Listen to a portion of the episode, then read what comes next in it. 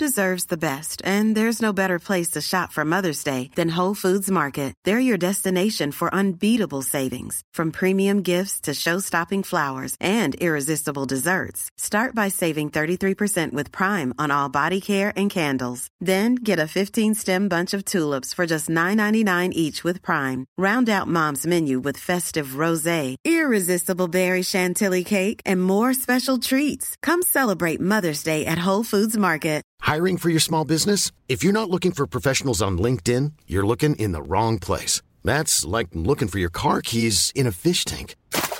LinkedIn helps you hire professionals you can't find anywhere else, even those who aren't actively searching for a new job but might be open to the perfect role. In a given month, over 70% of LinkedIn users don't even visit other leading job sites. So start looking in the right place. With LinkedIn, you can hire professionals like a professional. Post your free job on linkedin.com slash people today. When you're ready to pop the question, the last thing you want to do is second guess the ring.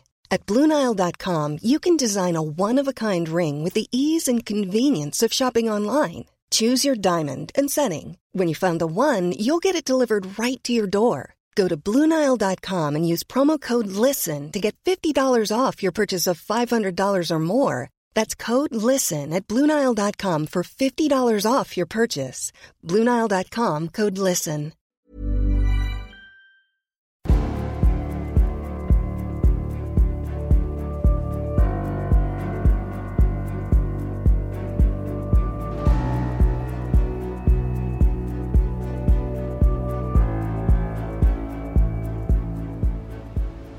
Du lyssnar på podcasten Samtal, en podcast med fokus på fria samtal.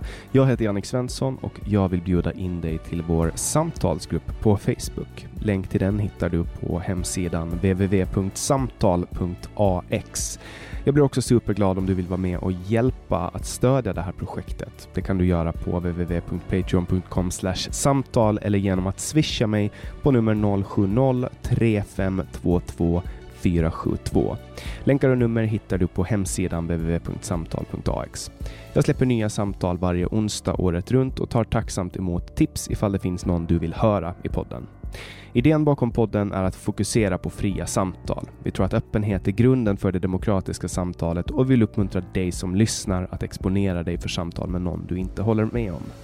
Jag heter Jannik Svensson och du lyssnar på podcasten Samtal. Ashkan Fardost är före detta forskare och musiker. Idag föreläser han om internet och människan. Han driver podcasten Sista måltiden. Välkommen hit Ashkan. Tack så mycket. Skitkul att vara med. Och nu, och nu är jag så här som alltid när jag sitter hos någon. Oh, det är jag som ska tacka dig för att jag får vara här. Men nu är jag här i din studio som du spelar in eh, Sista måltiden i med ditt rövargäng. Precis. Och jag är mäkta imponerad av dina grejer. Ja, men det är bra. Vi, jag, jag driver den här studion med eh, tre polare från gamla musiktiden och vi höll ju på med, jag höll på med transmusik, med mina kompisar höll på med det som väl kallades för progressive house. Eh, och sen fjärde polaren, han har varit journalist inom klubbscenen och musikscenen i Stockholm och Sverige. Så det är ju vårt space. Och sen skulle en av dem göra en podd som heter Dansmusikpodden. Eh, som de driver nu, de har rätt många avsnitt på nacken. Så då smällde vi upp den här poddspacet i musikstudion. Och i samma veva fick jag och grabbarna på andra sidan för oss att fan, vi, vi borde också starta sista måltiden nu. Och nu sitter vi här. Så nu är jag gäst i min egen studio. Mm. Och det är jättekul att kunna, för det första att kunna spela in eh, face to face. Det är mm.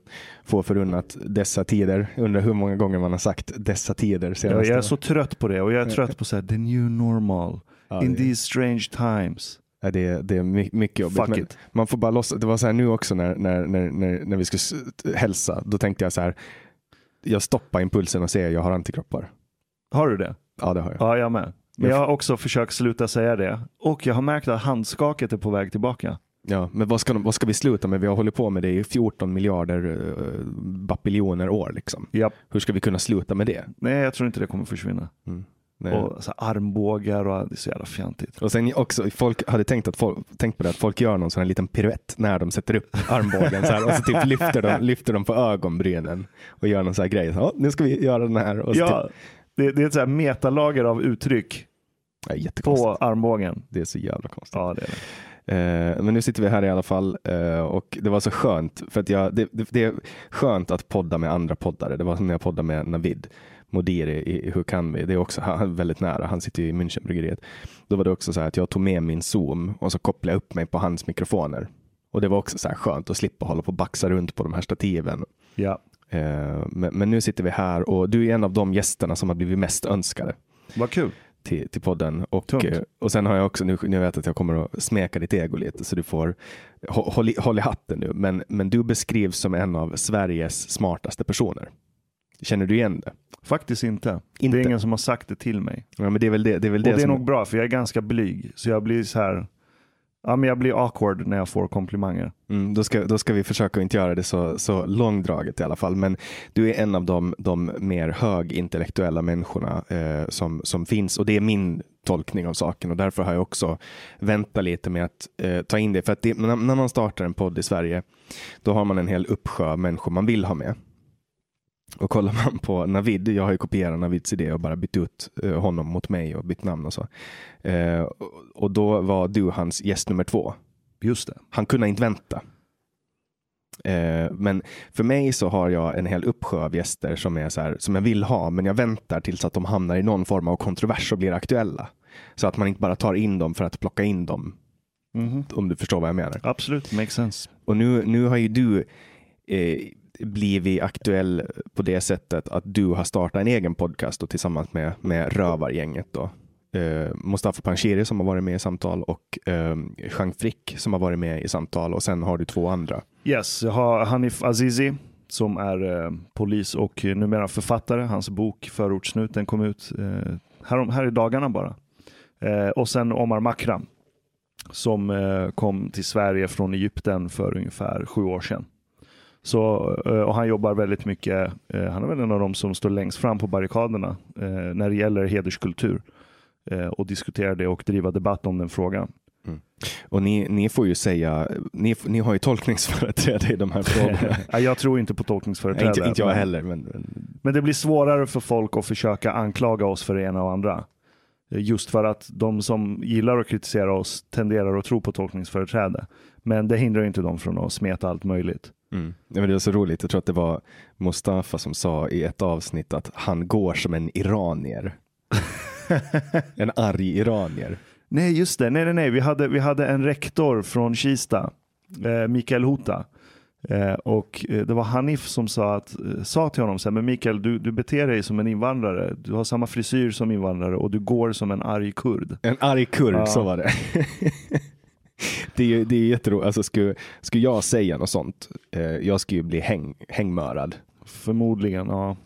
Eh, men men eh, podcasten eh, Sista måltiden, jag eh, först lite nyfiken, nu kommer Luna, jag sa det, att hon kommer att vilja sitta i din famn.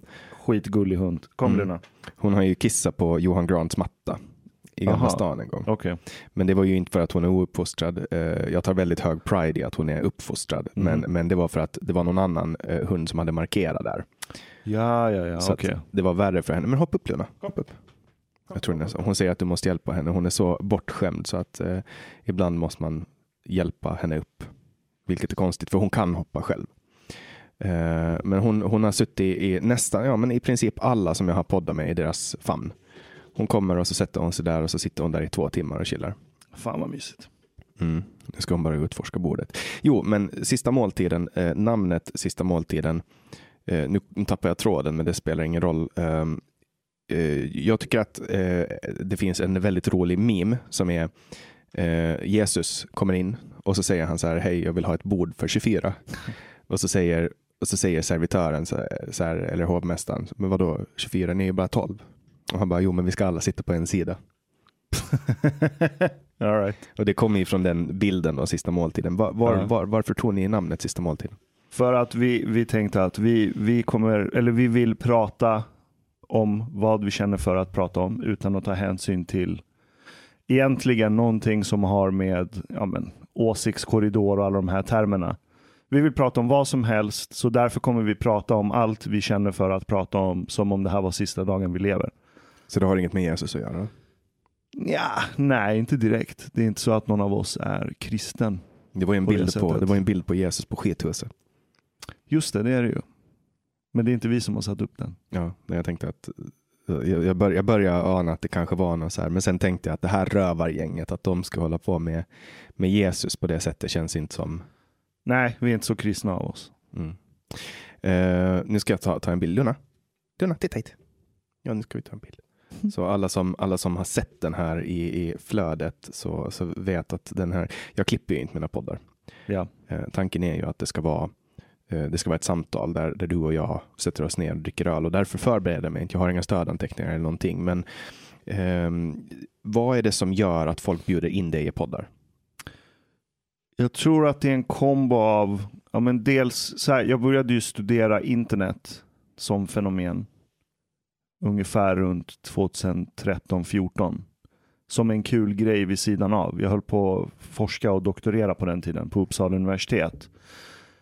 Och anledningen till att jag ramlade in på internet är för att jag har ett förflutet i musikbranschen. Och jag hamnade i musikbranschen vid millennieskiftet. Och det var ju då Napster kom och hela piratkopieringssvängen tog över musikbranschen. Kassa och... Kassa, LimeWire, ja. hela den bunten. DC++, DC++, ja. och sen kom ju Pirate Bay också till slut. Och egentligen fullbordade eh, det som skulle bli eh, ja, men piratkopiering på massskala. Och så jag, dels, så, dels så stod jag och tittade på en bransch som har funnits hur länge som helst, det vill säga musikbranschen egentligen falla och hamna i totalt kaos. För de visste inte hur de skulle hantera det här. Så det var jävligt intressant. Och observera det medan jag själv var en del av den branschen. Så jag började studera internet eh, för många år sedan för att fatta, så här, vad, har det här hänt förut historiskt sett? Vad kommer internet ha för innebörd? Och det kaninhålet ledde ju till slut att vill du fatta vad internet gör med världen och med oss människor så kan du inte undgå att studera sociologi och antropologi. Men du studerar ingenting som har med det att göra? Hur menar du? På universitetet? Ja. Nej, nej, jag var kemist. Vilket är jättekonstigt för att jag ser en kemist för mig det är, det är någon i vit labbrock som håller på och häller olika substanser i, i provrör och så, eh, du vet olika färger. ja, så. det var exakt sånt jag gjorde på labbet. Ja, och sen börjar du bara, ja men internet och så håller du på att producera musik också. Ja, men alltså internet har varit jättestort i mitt liv. För jag växte upp delvis på internet. Det var en del av mitt naturliga habitat. Många av relationerna, många av de formativa åren, många idéer och tankegods som jag bär med mig idag. Det kommer ju från människor som jag har träffat och stött på på internet. På diverse forum. Och, och det var ju mycket amerikaner som hängde där på den tiden. Så jag är väldigt influerad av tänkare som har fått stort genomslag i USA. För att det är ju de tänkarna amerikaner med större sannolikhet kommer nämna. Men eh, oavsett, så när jag började studera internet så fattade jag att för att fatta så insåg jag att för att fatta internet på riktigt så måste du också studera historia, sociologi, antropologi och när jag började komma in på de samhällsvetenskapliga aspekterna, främst sociologi och antropologi, då, så slog det mig att mycket av den forskningen som görs där testas sällan på ett korrekt sätt mot verkligheten. Dels för att det är svårt. Du kan inte iscensätta stora samhälleliga experiment av etiska skäl. Eh, du kan inte utsätta människor för massa sjuka saker för att testa en samhällsvetenskaplig teori. Råttor, det går bra att göra det på råttor.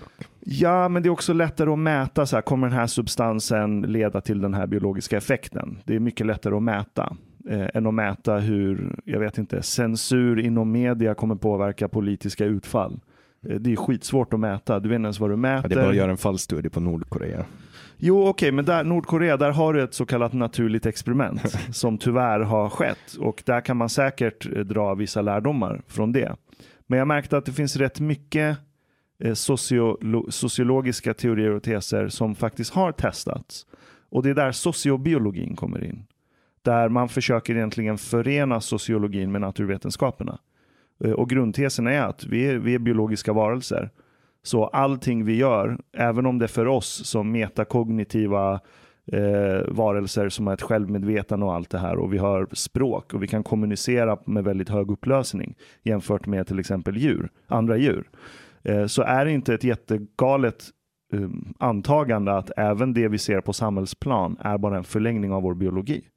Så det är mitt grundantagande i allting. Alltså att vi, å, vi återskapar socialt det som vi har inkodat Exakt. i vårt DNA att göra. Och sen kan det vara inkodat i oss att vi är väldigt flexibla och kan liksom töja på gränser och anpassa oss eh, beroende på hur miljön utformar sig. Men då låter det ju som att... Så det är ingen determinism i sig. Att, och sen säger jag inte att bara för att någonting går att förklara biologiskt så betyder det inte att jag tycker det är bra nödvändigtvis. Mm. Eller att vi ska trycka tillbaka det.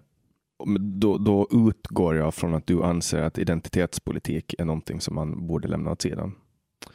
På ett sätt ja, men å andra sidan identitetspolitiken i sig är ju också ett symptom på någonting. Den har inte bara kommit från ingenstans. Så den är ju något sorts symptom eller någon sorts reaktion på någonting.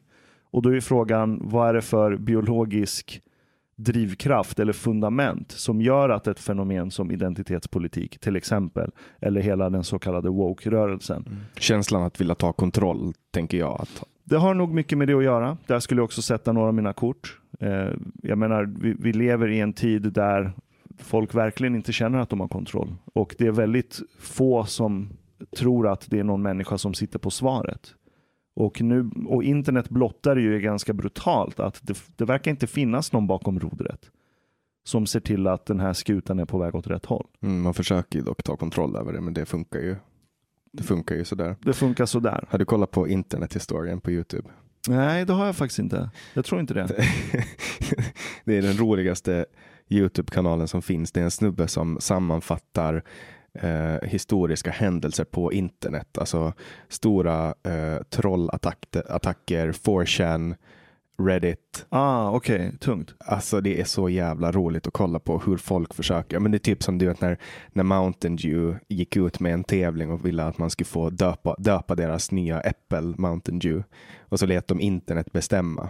Och då, hette, då blev ju den som vann var Hitler did nothing wrong. Det var liksom det vinnande resultatet. Och, och samma sak när det var någon så här, det var typ 2011, 2012 var det någon konferens någonstans i USA eh, och då hade de ett Twitterflöde på skärmarna. Och så fick någon på 4chan reda på det och så började de posta Gore och bilder på Hitler. Alltså de tar ju det, det är ju internet, alltså människor beter sig så på internet. Ja. Eh, och jag, har, jag är väldigt fascinerad av den här trollkulturen därför att det tar verkligen fram det värsta. Yes. Så fort människor är anonyma, så fort människor får möjligheten att trolla, då kommer det liksom det absolut värsta som finns. Det, det, det, alltså, det är det som är grejen med internet. Alltså, människor som blir anonyma eh, och så lyfter de fram och det här är liksom det standard mänskligt beteende. Det, här, det här kommer att ske. Jag brukar använda exemplet med när du sitter i en bil och är skyddad av vindrutorna i bilen. Det är ändå en viss grad av anonymitet på ett sätt. Och redan där kan vi bli väldigt mycket mer assholes än vad vi är i vanliga fall. Mm. Man skriker åt andra bilister, pekar finger, eh, allt möjligt. Jag tror till och med det finns studier på det som, som visar hur, ehm, alltså hur människor blir modiga bakom. Alltså jag satt just och skrek när jag körde hit så råkade jag ta ut på Centralbron. Ja. Eh, och vi är på Södermalm nu och då måste man köra liksom in mot Cityterminalen och så måste man svänga runt och det är bara skitjobbigt. Och, och då satt jag och gapade på någon som körde framför mig. Liksom. Snedda in eh, före. Och då satt jag och pratade i telefon. Jag satt och pratade med min, med min kompis mamma. och då började jag skrika på ett mycket otrevligt sätt. Och så kom jag på att oj, det här är inte så passande. Nu fick hon höra det. Eh, men, men just det där med att man eh, det, det kommer fram, en- jag trollar ju också på internet. Jag älskar att trolla. Det Har du fejkkonton? Nej, det har jag inte. Men Okej. jag trollar mest alltså, typ om jag, om jag spelar Rust till exempel. Har du, har du spelat Rust? Nej, vad är det för? Det är typ Spel. som, det är som Minecraft. Man vaknar, upp, man vaknar upp på en strand och så är man naken och det enda man har är en sten och en fackla. Okej. Och sen ska man bygga ett hus. Mm. Eh, och så ska man försöka överleva och så är det hundra stycken nakna människor som springer runt och försöker slå ihjäl en med stenar. Och det jag brukar göra när jag spelar Rust är att jag använder min tid till att, nu har jag tyvärr inte så mycket tid, men det är att jag använder min tid till att laga hus eh, och så lurar jag in folk i de där husen och så tvingar jag dem att äta människokött och sådana saker. Alltså du vet, saker som är helt, alltså helt värdelösa, men du vet man trollar. Ja, och det är kul för det är fortfarande på ett fiktivt plan. Ja. Men det berör ändå. Man känner sig blåst om man har blivit inlurad i det huset. Ja, alltså man, de tror, jag brukar ha en kompis som står bakom en dörr och så springer jag in och låtsas glömma dörren öppen och då springer de rakt in i en fälla och så tvingar man dem att ge alla sina grejer och så säger man att man ska släppa ut dem om de lämnar alla sina grejer och så gör de det och sen går man och äter middag liksom och så får de vara kvar där inne. Eh, Sådana saker. Skitbra. I Ja. like it. Nej, men det, det är sånt som är, och det, och det, det här är också, jag kan tänka mig att det här är ett beteende som finns hos folk eh, per standard. Man kommer aldrig bli av med det. Det spelar ingen roll hur många utvecklingssamtal vi har. Ja. Jag, jag kan ta ett exempel till på, på en, en, en IRL-grej som, som skedde. Vi hade en, I skolan hade vi en online-konferens. Vi hade en temavecka och då hade vi föreläsningar hela veckan och allting var online. Och sen i slutet då så fick alla som gick i skolan vara med i en sån här eh, vi ska göra en sån här mind maps, en sån här bubble, vad heter det, där alla får skriva in något värdeord och det som alla skriver mest så syns störst. Ah, sådana här typ eh, ordmoln. Ja, Word ord- cloud. Ja, typ. word cloud. Ja. Hade vi en word cloud och såklart trollade folk. Ja. Och så var det några som blev jätteledsna.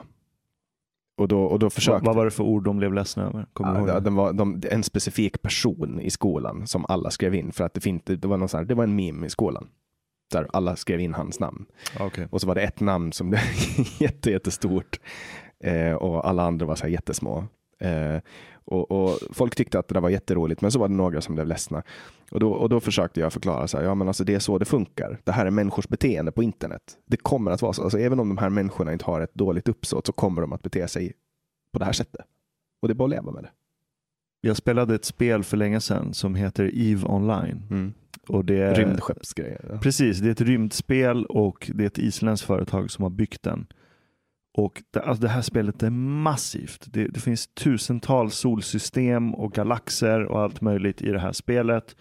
Och varje solsystem har olika resurser och sen finns det en intergalaktisk marknad där du kan köpa och sälja resurser och sen kan du bygga fabriker, göra om resurserna till reservdelar som du kan bygga skepp med. Och sen finns, du kan skapa företag inuti spelet och så finns det en börs med aktier för alla företagen. Och, så det, det är nog en av de mest avancerade sandlådorna jag har sett online. Och det är ju tiotusentals människor uppkopplade hela tiden. Och där ser du exakt samma fenomen som du ser i den verkliga världen. Det är folk som försöker göra så här eh, raids på aktiemarknaden, fake-köper, fake-säljer, folk sätter upp fällor och liksom kidnappar folk, tar deras resurser. Det finns fraudsters, det finns spam, allting du ser i den här världen bara återupprepa sig i den här fiktiva världen. Liksom copy-paste. Och det- det där, jag, så jag, jag håller med dig där. Det är vissa saker vi aldrig kommer komma ifrån. För det är samma biologiska maskin vi är idag som vi var för hundratusen år sedan. Eh, idéramverk som upplysningsideal och alla de här sakerna. Det kan trycka tillbaka vissa beteenden såklart genom att skapa incitamentstrukturer och ett våldsmonopol bakom. Men att tro att vi har blivit någonting bättre än vi var för hundratusen år sedan, det är ju bara en ren total illusion. Mm. En av de coolaste studierna som har gjorts på pandemier eh, skedde långt innan den här pandemin träffade världen. Och det var i World of Warcraft eh, under första patchen, under Vanilla, alltså under första exp- det var, det var, det var grundspelet då. Så var det en bugg att eh, olika spelare, då upp till 40 personer, kunna hoppa in i en en instans, ett slutet rum eh, och så kunde de slåss mot fiender. Och så fanns det en, en, en fiende som kunde ge en sjukdom. Och att man fick den här sjukdomen och alla som sprang i närheten av den här personen dog. Eh, och då, då tog han sig ut ur det här rummet och åkte till en storstad och så bara spred sig den här sjukdomen över hela servern och alla dog och dog och dog och dog och dog. Och då kollar forskare på det här eh, fenomenet, hur snabbt det spred sig. För att alltså, alla dog överallt. I hela, i hela World of Warcraft-världen så, så kunde inte folk spela, så de fick stänga ner, Blizzard fick stänga ner servrarna. Jävlar. Eh, och jag Älskar kommer, sånt. Ja, ja, det, var, det var roligt, jag kommer ihåg det, men alltså man loggar in, jag kan vara jag då, 12, 13 kanske, logga in och så var det helt fullt med skelett på marken. och så tog det några minuter och så var jag död. Shit. Och, och, och, det gick liksom inte att spela för att den här, pandem- det fanns alltid människor som spred den med flit. Det var det som var det, Såklart. det, var det, som var det roliga. Eller klart de roligt, kommer. Men, men då är det så här, tänker jag så här, av hur många människor är vi på jorden nu? 7,5 miljarder någonting sånt. 7,9. Ja, hur stor är sannolikheten att alla kommer överens om att men nu, nu stannar vi inne i två veckor och så dödar vi den här sjukdomen? Det kommer aldrig ske. Det finns inte. Det kommer aldrig ske. Bara genom att sätta det predikamentet så kommer du automatiskt generera eh, rebellion. att mycket kan man säga om den här pandemin. Det har hänt saker. Eh, de är dåliga, människor har dött. Vi har fått sitta inne, psykisk, psykisk ohälsa och så vidare. Men jävlar vad den har hurlat oss in i digitalisering.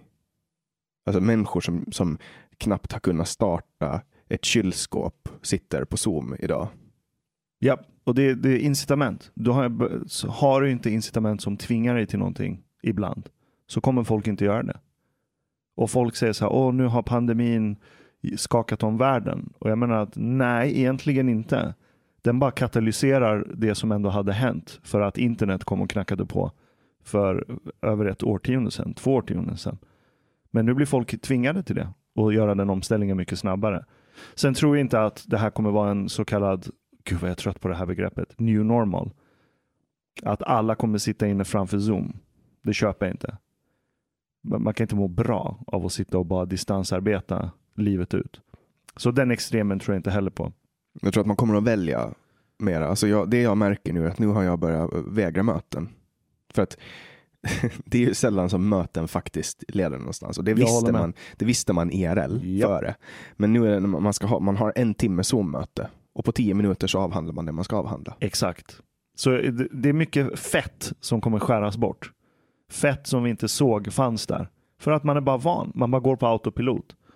Så ja, vi ska diskutera en sak. Ja, men vi kör ett möte. Och de flesta kalenderappar och program, de har så default en timme när du skapar ett event. Och så sitter man där i en timme. Men det är precis som du säger. Dels slipper man restiden och sen oftast på tio minuter en kvart. Om man skippar allt så här floskligt bullshit i början. Allt så här kallprat, liksom. bara get to the point. Mm. Så kan man få jävligt mycket gjort på kort tid. Det är så jävla skönt också när man kan typ, ja ah, jag fick ett annat samtal. Eller, ja ah, jag måste gå. Eller du vet, man drar av wifi. Japp, bästa. Ja.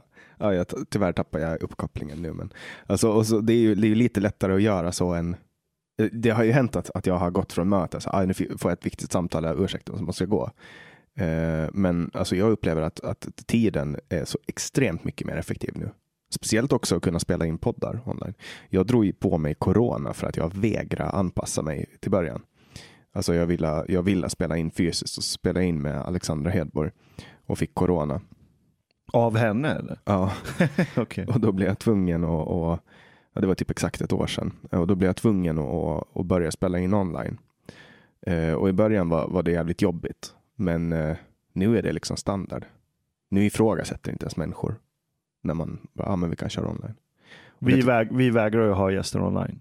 För att, dels för att vi är fem pers som är hosts. Så redan där dör dynamiken om alla sitter bakom skärmar. Mm. Men det blir en annan grej IRL. Helt annan grej. Mm. Det är som man måste fokusera eh, på ett helt annat sätt. Precis. Jag, jag tycker ju det är skönt att kunna, för nu har jag suttit och fibblat lite med telefonen och jag är medveten om att eh, det ser hemskt ut. Jag, jag är fullt kapabel att sitta framför datorn med två skärmar och, och, anteckna och googla och söka och titta på olika saker och samtidigt vara med i samtalet. För det är det jag gör när jag spelar in online. Jag har kameran av och så sitter jag och har massa information framför mig. Um, men så här är det svårt att göra det. Jag uppdaterar just, jag skickade ut en, en Twitter-flit och då, då var det så att jag kände så här, ja, men nu måste jag sluta hålla på med telefonen, annars kommer han tro att jag är en riktig mupp som bara sitter helt Alltså jag brydde mig inte, men jag blev distraherad. Mm, man blir det. Ja. Så det är väl det som är nackdelen. Man tvingas in i det här fysiska mötet. Mm. Uh, men, det, men det tycker jag också är på ett sätt skönt för att nu tanken är ju att vi ska, alltså vi, ska, vi ska träffas och prata. Det är det som ska hända. Vi ska samtala. Liksom. Då är det skönt att inte ha eh, massa frågor framför sig. Visst har du varit med i Arons podd? Ja, jag var med precis. Det är konstruktiv kritik för, vad kan det ha varit, två, tre veckor sedan. Mm. Jag, tror att han, jag, hade, jag skrev till dig och sen dök du upp där och då blev jag så här, fuck nu har han tagit en, alltså för att vi håller ju på att ta alla som poddar, vi tar gäster av varandra. Ja men så är det Och sen är det ett litet land också. Ja, och jag vill alltid, man vill ju alltid vara först. Att man vill ha någon för. Ja men det är svårt alltså, det är jävligt det... svårt nu för tiden. Men man kan ju göra om samtalet så att det blir unikt. Ja, ja, och det blir de ju alltid. Men jag tänker ja. att med Aron, jag har ju varit med i hans podd. Uh, och han har en helt annan stil på när han, uh, när han poddar. Han har ju frågor förberedda och sitter med anteckningsmaterial och så. Och jag har valt att frigöra mig från det. Jag har ju ett eh, förflutet som journalist och då, då förbereder man väldigt mycket frågor och så försöker man leda samtalet. Men det jag märker när man, när man bara släpper samtalet fritt att det rusar dit det vill. Ja. Det är det man vill ha. Ja, jag gillar det också. För, för då slipper man också, eh, alltså, jag har ju inget mål med samtalet förutom att samtalet ska genomföras och då är det mycket bättre om det lever fritt. Var inte du politiker också? Ja, tyvärr. Det, det är så här, jag, jag, jag satt och reflekterade över det igår. Att om jag skulle för 15 år sedan, ja det är väl 14, 13-14 år sedan som jag började med politik. Eh, om jag skulle ha valt att satsa all tid på någonting annat, typ konsertpianist, musikproducent, Eh, vad som helst, skid, skidåkare. Alltså jag skulle kunna ha blivit jättebra på någonting om jag skulle ha lagt alla timmar som jag har lagt på politik. Men sen blev det politik. Och det är liksom så här, det är som att stå och dunka huvudet i en vägg. Och så, och så har vi ett, ett politiskt landskap som går ut på att jag tycker att Axel Öhman beskrev det här så bra från haveristerna. Han sa att rösta i Sverige är som att bestämma, bestämma sig för vilken lem man ska hugga in en kniv i.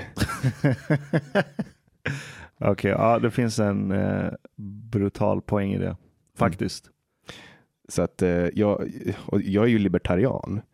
Och då är det så här, jag kommer aldrig att få se det jag, samhälle jag vill se. Jag vill se ett samhälle som, som tillåter alla samhällen att samexistera. Jag är också libertariansk lagd och jag kommit fram till att det, det är liksom, du, du klipper av några år av din totala livslängd av att vara libertarian i Sverige. Mm. Du, du, du, det är liksom upplagt för att du ska få stroke innan du är 60. Mm. För att man blir så jävla lack på den statliga expansionen som konstant sker. Vilket inte är konstigt, för alla mänskliga system försöker expandera. Företag, föreningar, nästan allt egentligen.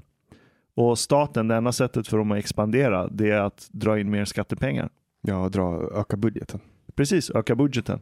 Så då måste de stifta lagar för att öka budgeten. Det är det som blir det primära målet. Mm. Och du har en myndighet som, som uh, har två miljoner kronor kvar i slutet av året får två miljoner kronor mindre nästa budget. Japp. Jag kommer ihåg när jag jobbade på universitetet och vi hade budget över. Det var alltid precis innan jul. Mm. Så det var ju bokstavlig jul, julafton där vi bara så här, nu måste vi spendera de här pengarna. Och okej, okay, visserligen så spenderar inte vi det på så här broschyrkampanjer för att uppfostra folk till vad de ska tycka och tänka. Så vi köpte ju labbutrustning som vi använde. Men fortfarande. Nej, men alltså att, att, att man hamnar i en situation där man sitter och kliar sig i huvudet och bara, ja ah, men nu har vi nu har vi två miljoner plundrade pengar här. Det är någon annans pengar. Och nu ska vi använda dem för att vi har fått dem i vår budget, för annars får vi mindre pengar nästa år. Det är så jävla fel. Ja, det är patologiskt. Det är så sjukt. Mm. Och det är det som är att, att, att som libertarian navigera sig i ett politiskt system som, som bygger på plundring och, och exploatering och expropriering. Det är, det är hemskt. Jag tror ett stort problem för många är att man tänker att alla måste bli omhändertagna. Det är grundantagandet. Och libertarianismen bryr sig egentligen inte så mycket om den biten. Utan som libertarian tänker jag att om människor får makt över sitt eget liv så kommer det vara i deras intresse att försöka ta hand om sig själva och sin nära omgivning. Och andra. Och andra, för vi är beroende av andra. Mm. Vare sig vi gillar det eller inte så kommer vi vara beroende av andra. Det är i mitt intresse att andra mår bra. Om man ska dra det liksom väldigt ur en väldigt egoistisk eh, lins. Ju fler som mår bra, desto mindre risk för att det finns kriminella till exempel. Och alla de sakerna. Ju fler, ju fler som mår bra, desto bättre kommer näringslivet gå, vilket betyder att folk kommer få det ännu bättre. Så man kan till och med dra det ur sin mest extrema egoistiska lins. Mm. Så är det fortfarande beroende av att andra mår bra. Ja, och sen, sen utgår ju också det här från att folk säger att ja, men man är egoistisk och i ett, ett sånt här fritt samhälle så, så ska människor inte hjälpa varandra. Men alltså, ett, ett exempel som jag ofta drar det är att i Finland så har vi inte från början haft en statlig brandkår eller en kommunal brandkår utan den har varit frivilligbygd. Små oh, samhällen och orter de byggde en depå och så utrustade de någon bil och de hade ju häst och vagn före såklart, men utrusta en bil och så eh, fixar de tillsammans då utrustning. Och sen när det kommer ett larm så åker de dit och så släcker de elden. För att den är frivillig. Det har aldrig, aldrig behövts någon stat som säger nu ska ni bygga den frivilligt, utan det finns en över hundraårig tradition i att man hjälper. Som en sjöräddning på Åland. Åland är ju en Och Finland också har ju väldigt mycket vatten runt sig. Och då finns det frivilliga sjöräddare. Så om det händer någonting, någon båt är i sjönöd, kommer det frivilliga människor och hjälper. Detsamma med, med alla bilolyckor och sånt som sker på Åland och i Finland så kommer det frivilliga brandkårister dit. Och det, det, det är en manifestation av hur samhället mobiliserar sig för att folk har ett intresse av att hjälpa till. Folk, folk vill hjälpa till. det, är bara för att vi skulle leva i ett fritt samhälle så betyder inte det att, eh, att folk skulle bli helt känslokalla. Det är också det här, en annan grej som också kommer från socialisthåll är att ja, men om, om vi har ett fritt samhälle kommer alla att dö för att det är gift i läsken vi köper i butiken. ja. Det är också en så helt absurd tanke. Varför skulle, varför skulle människor hälla gift i, i, i mat, maten? Och, och, och sen en annan aspekt är också att jag menar, vi är inte evolutionärt stöpta för det samhälle vi har idag. Det är vi inte. Och jag menar, det är flera som har försökt eh, be belysa det problemet. Jag menar, allt ifrån men, hur många filosofer som helst egentligen och psykologer som menar att ja, men så här, Freud, Civilization and its discontents. Det, det, om man läser den med en sociobiologisk lins, så, eller jag tolkar det så i alla fall, att han fattade redan då att människan är inte stöpt för det här samhällssystemet vi har idag. Människan är inte stöpt för civilisation och överflöd. Men vi är samtidigt så jävla flexibla och anpassningsbara att vi klarar av det.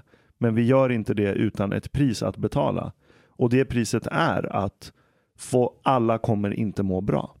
Och det kommer staten aldrig någonsin kunna lösa. Mm.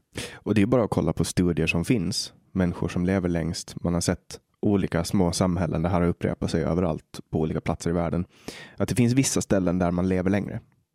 Och det de har gemensamt det är att familjer bor flera generationer i när, mycket nära varandra. Så det, är liksom, det, kan vara, det kan vara uthus och så, men, men allting är, det finns en central byggnad och så bor mamma och pappa där, så bor barnen där. Och så bor barnbarnen där. Och så bor mormor där, farmor, kanske farfar. Och, och så lämnar eh, mamma över barnen till mormor och morfar. Och, alltså, och, så, och på det sättet så har man en dynamik där man tar hand om varandra. Istället för att betala skatt och outsourca, skicka mormor till ett boende som man åker till eh, två gånger i månaden. Och, och, och kollar att, att allting funkar, så, så har man istället att man naturligt tar hand om det. Och där är, där är ett, alltså ett exempel på, du, du, kan, du kan se i vetenskapliga studier att de människorna lever längre. Jag tycker det är så patetiskt när man försöker så reducera den här eh, avvikelsen i livslängd. Att ah, men det måste ha med maten att göra. Och så kommer någon jävla kokbok, så här, vad var det den senaste, den blåa maten eller någonting. Och så börjar alla svenskar så här, trycka olivolja i allting de käkar och tror att det kommer hjälpa. Mm. Men det är så här, nej, för att när du når en viss ålder och inte är produktiv längre eh, och din pension typ inte räcker till så kommer du bli skickad till en jävla institution och så kommer du få dö där, en långsam ensam död. Mm. Och för oss är det normalt. Men när, när du får ett annat perspektiv, okej okay, jag kommer från Iran. Eh, jag ska inte alls på något sätt måla upp Iran som något jävla mönsterexempel på ett bra land. Det är fucked up på nästan alla sätt och vis. Men det här du beskriver att det finns en mycket närmare kontakt mellan generationerna. Att familjen och släkten, det finns ett helt annat band där. Eh, så den här sortens ensamhet som finns i Sverige, som jag gissar är extremfallet egentligen i världen, den hittar inte du där. Så trots den misär folk lever i där, så kan folk ändå leva jävligt länge. För att du har den här psykologiska tryggheten på ett sätt. Att ingen kommer lämna dig i sticket. Mm. Och Det är klart att det finns tillfällen där man inte kan som familj ta hand om sina äldre. Men, men har man en stor familj och allting cirkulerar kring en gård. Jag menar, det är ju så det är så det har varit. Jag tycker att det är jättefint när jag är på Åland och ser min, min kompis Hadnes Jonas, jag pratar om honom jättemycket i podden, brukar folk påpeka. Men, men de har en gård eh, och, och då är det så här, Eh, då har, har Jonas föräldrar ett hus och sen har Jonas mormor ett hus. Och så är Jonas där på dagarna och allting liksom cirkulerar kring mormors hus. Och du vet, halv två är det kaffe och, och, alla har, det liksom hjälper till. Det, man, de, de, på något sätt, de har hundarna hos mormor på dagarna och, och, alla hjälper på något sätt till och drar liksom för att få det här att funka. Eh, och så kan man kolla på hur, hur det är. Du vet, jag tar ett exempel nu att någon familj kör sin hund till ett hunddagis, kör barnen till ett dagis eh, och så har de mormor på äldreboende och liksom åker som en biljardkula eller biljard, vad heter det? P- p- pinball, Biljardkula. biljardkula Ja. mellan de här olika ställena och liksom lägger sin tid på det. Då är det då tror jag att, att bara man liksom på något sätt eftersträvar det som är naturligt för människan. Ja, men alltså, Sverige är ett land som består av massa förvaringsboxar. Du, har en förvaring, du har en förvaringsbox för barnen som heter eh, dagis, som nu vi har bytt namn till till förskola för att det ska låta lite mindre som en förvaringsbox. Och sen är du i den förvaringsboxen så att dina föräldrar kan vara i en annan förvaringsbox. Jobbet. Så, jobbet, precis. Eh, och sen när jobbet är slut, då kommer du hem till förvaringsboxen som är till för när du inte har någon annan förvaringsbox att vara i längre. Och så är det den i några timmar och så slaggar du och så vaknar du upp och så är det förvaringsboxarna igen. Och så har du äldreboendet och alla de här andra. Och sen har du Viking Line också, en för, för, förvaringsbox. Du stoppar in alla panschisar på Cinderella. Exakt, ja, men en, en mobil förvaringsbox. Så du får illusionen av att du inte är i en förvaringsbox. Mm. Och, och, och, och när vi vill ta paus från de här förvaringsboxarna så sätter vi oss i en rörformad förvaringsbox som åker genom luften. Eh, och så är vi på någon förvaringsbox nära en strand någonstans. i Thailand. I Thailand. Där du käkar samma mat som du åt i förvaringsboxen här hemma. men du är nära en strand och så tänker du att Nej, men nu ska jag insupa lite kultur. Och så är det ju liksom det är, det är fake thailändsk kultur så att utlänningar kan ta till sig det. Och nu kör ju till och med förvaringsboxarna sig själva. Du kan köpa en Tesla Japp. som kör sig själv. Har du, har du kört den? Eller har du åkt en Tesla Jag som har kör åkt själv? och testkört Tesla. Så när, den, när den är på autopilot. Ah, nej, det har jag faktiskt inte gjort. Det är så jävla häftigt. Jag, jag åkte, jag satt bakom ratten, men jag åkte autopilot eh, från eh, typ Upplands Väsby in till stan. Det är så jävla häftigt. Stannar den vid rödljus numera? Den, Den, nya. den, den, den byter filer, den kör om, det är allt. Ja, inne i stan också? Eh, ja, alltså den, den autopiloten som är helt eh, autonom, åtminstone då, den var inte tillåten här. Ja, ah, just det. Jag vet inte hur det är med, den här autopiloten, att den fortsätter i den riktning du har bestämt. Så om du sitter på motorvägen eller om du kör här på ringvägen eller whatever, den fortsätter liksom. Mäktigt. Ja, Ja, det, det är är mäktigt. skit, det är skithäftigt. Och sen, sen också när man ska parkera så, så, så säger den så här, ja, här finns en parkeringslucka och så bara swipar man på skärmen och så parkerar den åt ah, en. shit. Det Det är, är, det är mäktigt. det är jävligt soft. Eh, och jag menar i framtiden när vi har en hel autonom flotta, då kommer ju inte trafikstockningen att uppstå. Nej, det är sant. Men 100% av flottan måste vara autonom och sammankopplad. Ja. Så det, det, ser jag, det ser jag fram emot. Jag tror att vi, vi kommer att få uppleva, vilket var det för 85. 85? Jag är född 94 så du är 11 år äldre än mig då. Ja. Eh, vi kommer att uppleva så Nio år. Nio år. Ja, du ser min matte. Den är, jag är ingen mattemänniska. Eh, vi kommer att uppleva så jävla häftiga saker. Det tror jag med. Vad, Men- tror, vad, vad, vad kommer vi att uppleva inom de närmaste 20 åren? Kommer vi att få ett nytt internet? Svårt att säga, men jag tror det, det vi främst kommer uppleva det är någonting som eh, eh medieteoretikern Marshall McLuhan redan var inne på på slutet av 70-talet. Han gick ju bort 1980, så han levde aldrig när internet kom. Men en sak han pratar om väldigt mycket det är att eh, mediet du är liksom omslukad av i, i, i den miljö du växer upp i, den kommer påverka dig psykologiskt till en enorm grad. Men också på ett sätt som gör att du inte kommer märka det och se det.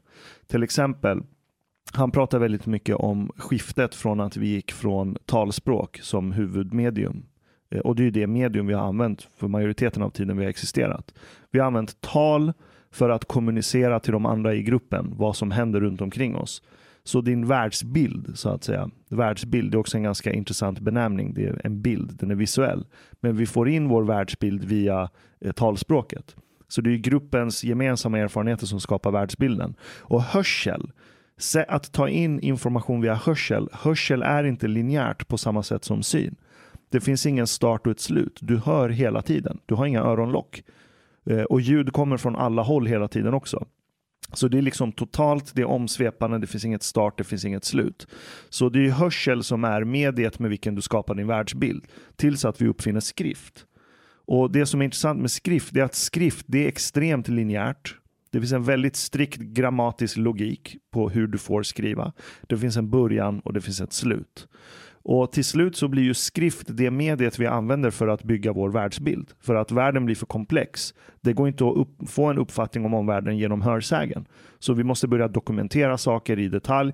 Så vi börjar dokumentera saker i ett format som är linjärt och så sprider vi den kunskapen genom att andra får läsa till sig den här informationen. Och så tar vi in det linjärt också i och med att skrift är linjärt. Början, det finns ett slut, bokstäverna kommer i en viss ordning, det är sekventiellt.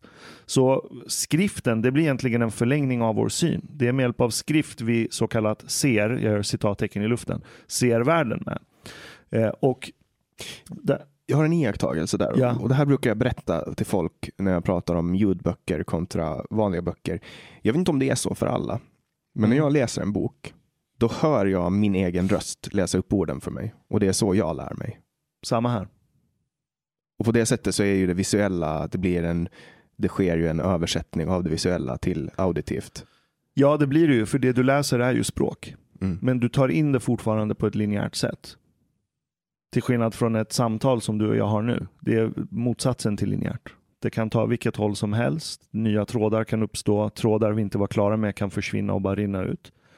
Så det är verkligen icke-linjärt. Det är, och det är för att det är en dialog, men är det en monolog, då är det ingen linjär. Ja, precis. Eh, en, en, monolog eller en föreläsning, den är ju också linjär. Absolut. Eh, men, men det Marshall McLuhan eh, insåg var att när du introducerar skrift till en ursprungsstam som fortfarande har råkat överleva och inte haft kontakt med civilisationen, så pajar du den stammen.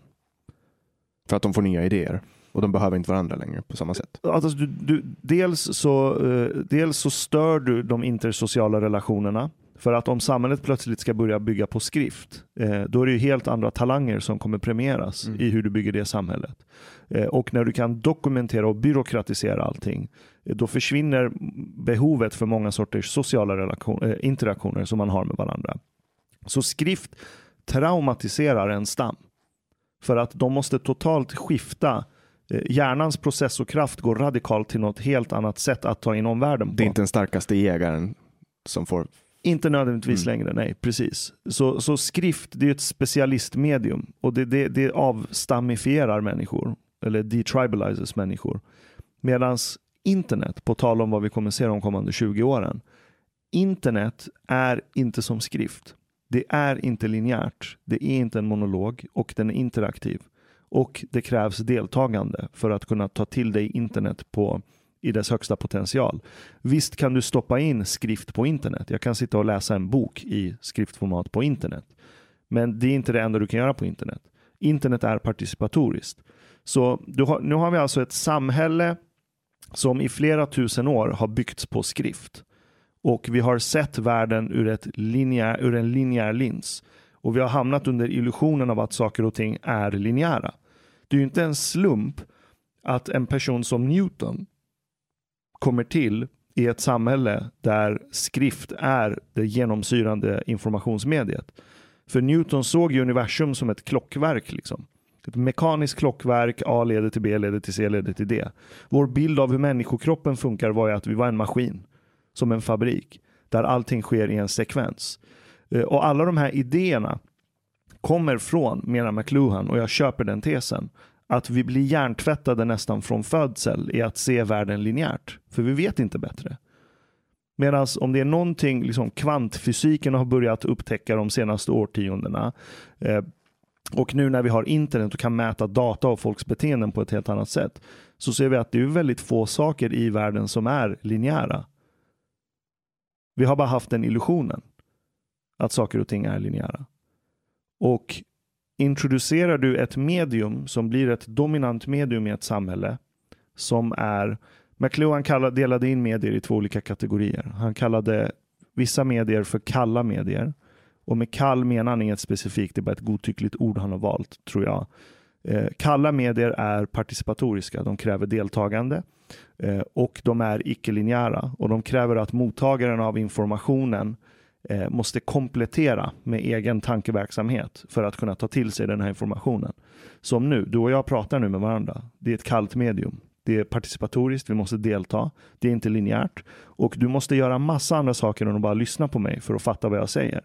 Du måste läsa av ansiktsuttryck, hur jag sitter, om jag svettas eller inte. Massa grejer som du tänker på undermedvetet. Motsatsen till det, det är ett varmt eller ett hett medium. Ett hett medium, det är nästan som att du blir matad med informationen.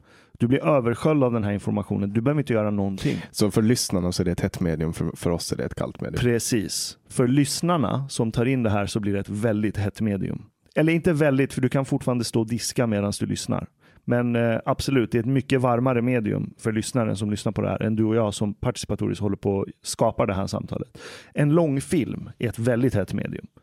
Där du bara sitter ner och det är nästan som att du blir injackad i the matrix. Liksom. Den tar över hela din sinnesverksamhet. Men nu har vi alltså en civilisation som har byggts med skrift. Utan skrift hade inte civilisationen vi har idag funnits. Och skriften är ett linjärt system. Och kulmen av västerländsk civilisation, det är ju liksom massproduktionen och fabrikerna. De är ju det ultimata exemplet på sekventiella processer. Där vi verkligen listat ut hur man använder sekventiella processer för att skapa värde. Och det är inte en slump att alla religionerna som uppfanns efter att vi går över till skrift är linjära monoteistiska berättelser. Så linjäritet är priset vi betalar för att använda skrift som dominant medium. Det är ett varmt medium, skrift. Nu kommer internet, ett kallt medium. Så på samma sätt som skrift dödar stammen så kommer ett kallt medium som internet leda oss tillbaka till stammen. Och det är det vi kommer se de kommande 20 åren från och med nu. Det är det stora traumat av att vi måste återigen skifta vår världsbild som, de, som determineras av det medium vi alla badar i. Så det traumat är vad som kommer utspela sig de kommande 20 åren. Så när vi ser de här fenomenen idag, som den här fundamentalistiska aspekten av miljörörelsen, där de är apokalyptiska, tror att världen kommer gå under, människan är syndig för att den konsumerar och så ska man börja leva ett mer asketiskt liv. Du ska inte köpa schampo, du ska blanda egen schampo med typ citronsyra och vatten hemma för att vara en miljökämpe. Nu raljerar jag ju lite narr av dem, men ni fattar vad jag menar. Den aspekten av miljörörelsen menar jag är ett symptom på det här stora traumat. Man känner att vi har ingen kontroll. Mm. Men när vi, när, när vi såg världen som linjär och när vi behandlade världen som linjär så trodde vi vi hade illusionen av kontroll. När du kunde stoppa in allting i Excel-ark. När du kunde stoppa in allting i en Gantt-chart eller en så processdokument för att ha total kontroll över allting som sker. Så har vi haft illusionen av kontroll. Men nu kommer internet och bara blott, blottar allt. Men det måste ju vara linjäriteten som gör att historien återupprepar sig. Nej, det är att det är samma biologiska varelse som är en del av att skapa historien. Det är mm. därför den återupprepar sig. Och det är för att vi är linjärt skapade? enligt ett visst, vi har viss data inhårdkodad i vår DNA. Um, ehm, jag vet inte vad du menar med att vi är linjärt skapade. Alltså vi är, ska, vi är skapade för att upprätthålla linjära system. Nej, det skulle jag inte vilja säga. För innan skrift... Varför, varför gör vi det då? För att vi är så pass hjärntvättade av skrift. Det är, det, det är med hjälp av skrift vi har tagit in och byggt upp vår världsbild. Håller vi på att bryter oss från det nu när vi podcasten som medium växer ju jättemycket? Ja, men podcasten den är ju inte allt för olik radion. Nej, och, egentligen. och det här är ju en återkomst av radion. Det är en återkomst av radion, absolut. Men nu kan vem som helst göra radio. Så du slipper det redaktionella filtret som en liten maktelit bara haft råd med tidigare. För det var väldigt dyrt att göra radio för 50 år sedan. Nu sitter vi här och spelar in det med liksom utrustning som de flesta, eller många har råd med.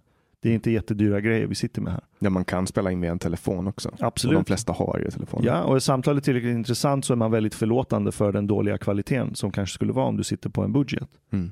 Det är för att folk är innehållsmedvetna idag på ett helt annat sätt. Folk är innehållsmedvetna, precis, och du har tillgång till så mycket mer innehåll. Eh, men, men podden, eller radion, eh, är ju egentligen fortfarande ett varmt medium, som du påpekade. För lyssnaren är ett varmt medium. Men om vi tar Clubhouse, Mm. Som exempel. Jag du gjorde ju debut nyligen va? Ja, idag. Med, ja, var det idag? Ja, med Navid Modiri och Elaine Eksvärd. Ja, just det. Just det. Ja, men de hade ett rum idag. Ja. Och, och, det som är intressant med Clubhouse, det är att Clubhouse är mycket kallare som medium än vad många andra internetmedium har varit. För att okej, okay, man kan säga att Twitter är participatoriskt, folk deltar. Det är inte linjärt, eh, eller den har linjära element. Du har ett flöde som bygger på tid. Men trådar kan uppstå, diskussioner kan uppstå, debatter uppstår. Så det, det, är inte jättevarmt. Det är inte som att läsa en bok. Självklart inte.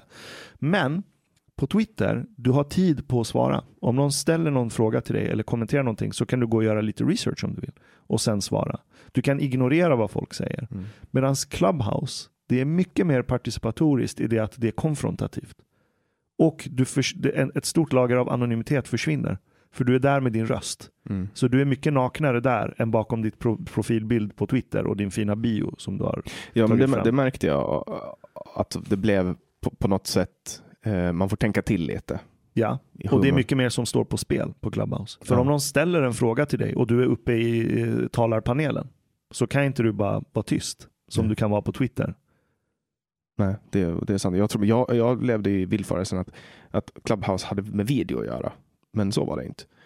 Ehm, jag tyckte det var, det var kul att komma in där. Och jag tror att jag kommer, jag kommer antagligen att starta, starta något rum vid något tillfälle. Ja. Ja, Jag var skeptisk från början, så jag snackade jättemycket skit om Clubhouse. Så jag får äta upp de orden nu. Ja, jag med. Jag pratade illa om Clubhouse ända fram tills idag. Mm. Och det var, det var bara för att jag fick en, en notis på telefonen och så stod det så här, hur kan vi prata om meningsmotståndare? Och så tänkte jag, är det någonting jag ska prata om med någon eller lyssna på så är det med det. Det, det har med det att göra. Liksom. Eh, för det är ett av mina paradämnen, så det var därför jag gick in. Så att, Snyggt. men men de, de återanvänder ju den här Google Plus-hypen. Du vet, eh, var det tio år sedan? Just det. Då hade ju de så här, ja du måste få en invite för att få vara Ja, med. ja, ja. Iscensatt eh, scarcity, Ja. eller brist på... Och alla bara, åh, nya killern, nya Facebook-killen. Och sen bara, sen, sen bara blablabla. Ja, men det var ju en kopia på Facebook. Och den krävde ju att hela ditt nätverk följer med. Annars så har inte det nya nätverket något värde. Medan Clubhouse, det är inte beroende av att alla jag känner hänger där. Det är inte lika beroende av det. När du kan träffa nya människor. Precis. Och sen skapar ju folk också. Det är ju inte meningen att det var inte skaparnas tanke att man ska använda Clubhouse till tysta meditationer. Men nu används det till tysta meditationer. Liksom. Ja, jag har sett scenkonst på Clubhouse. Där det ja men säg det är så här, sex pers i talarpanelen. En person spelar piano, ett piano-soundtrack. Eh, en person gör ljudeffekter. Eh, någon annan lägger till så här, eh, environment, eh, ja men så här brus, att så här, fåglar kvittrar eller man är i en mörk källare. Och sen är det en berättare som berättar någon story. Eh, det kan vara någon så här mördar, psykologisk thriller-drama. Så den som är på piano får liksom improvisera fram soundtrack till berättarrösten. Eh, och det var faktiskt jävligt underhållande. Att se den sammansättning av människor. Det är ingen som kan se varandra. Du har ingenting planerat i förväg. Det finns inget manus. Men det blir som en interaktiv radioteater. Ja, det är lite coolt för att idag i det där rummet, det var Elaine Eksvärd och Navid eh, Modiri. Och sen, sen helt plötsligt hoppade Thomas Mattsson in, alltså för detta chefredaktören på Expressen, Expressen. just det. Och så hoppade han in och så räddade han ut en beef med Elaine som de hade som var typ två år gammal. Och så slutade med att Elaine sa förlåt till honom. Hmm. Och det var så här, wow. Det hade aldrig hänt på Twitter. Nej. Det hade aldrig hänt på och Twitter. det här sparas ju inte heller, Nej. Clubhouse. Eh, Så att man är med om någonting live så att det gör att det blir lite mer exklusivt. Yes. tänker jag. Men sen har jag sett mycket på Twitter om folk som är så här, ja, pratar skit om mig på Clubhouse. Har du sett det? Ja, ja. Hur folk håller på så. Eller prata skit om dig. Nej, nej, alltså att folk skriver så här, ja, de pratar Jaha, skit om ja, mig på ja, ja, ja, det händer hela tiden. Det är jätteroligt. Speciellt efter att vi har haft våra rum. För det blir allt, nästan alltid kapad av aktivister. Vad kommer de att göra då? Ja, men de sitter där och lyssnar och så hittar de någonting de stör sig på. Och så bygger de ofta, de försöker bara göra om debatten så att det ska handla om deras aktivism. Om identitetspolitik? Typ. Oftast blir det ju tyvärr det. Oftast blir det att det ska vara någon jävla debatt om ras eller ehm, ja men woke-teman. Fan, jag orkar inte med det. Eh, Inte jag heller, jag har tröttnat rejält på det där nu. Det är usch. Jag spelar in, jag har en annan podd som heter Generation YX och det avsnittet som, som eh, vi i inspelande stund släppte senast eh, där, där raljerar vi extremt mycket om identitetspolitik. För att det har blivit så bisarrt. det är så bisarrt när man liksom låtsas så här.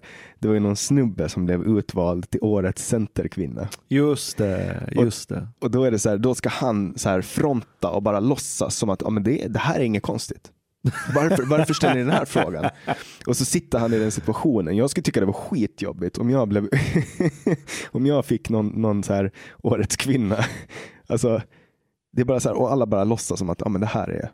Det Ja, här men för är vi är så progressiva. Ja. Vi har kommit bortom det. Vi är så duktiga. Ja, och det är den berättelsen vi berättar för oss. Ur den aspekten tycker jag, alltså här, identitetspolitik för mig idag, det är mer underhållning. Jag brukar gå in i rum ibland och försöka fråga, ja, men hur, vad, vad menar du med social konstruktion? Vad, vad betyder det? Och försöker få dem att definiera de här centrala orden som de har byggt hela sin ideologi kring. Och hittills är det ingen som har lyckats definiera någonting av det där. Mm, det är ungefär som att be någon definiera intersektionalitet. Och då kommer den så här att, att det är i skärningspunkterna mellan olika former av identiteter som rasism uppstår. Och bara det, det är en tanke som är så svår att ta in och, och definiera så att eh, du kan använda det till vad som helst. Ja. Du kan vända det till, alltså, vilken tes du än uppfinner så kan du använda intersektionalitet till att så här, bestyrka den tesen. Ja, men jag brukar jämföra det med frenologi. Vad är det för något? Det, det, det, är, en, eh, det är en subgenre inom eh, avarten till pseudovetenskap, eh, rasbiologi. Så frenologin är den delen av rasbiologi som mäter din skallform och utifrån det ska lista ut om du, är eh, rätt, om du har rätt ras eller inte. Eller om du kommer vara smart, dum, kriminell. Så hade vissa för sig att men genom att mäta skallformen så kan man få sån information. Sverige var ju föregångare. Sverige var riktiga pionjärer inom, eh, inom den skiten. Men inom frenologin, du kan alltid komma undan med argumentet att så här, ja, men om du inte fattar frenologi så är det för att du har fel skallform. Så du kan alltid komma undan.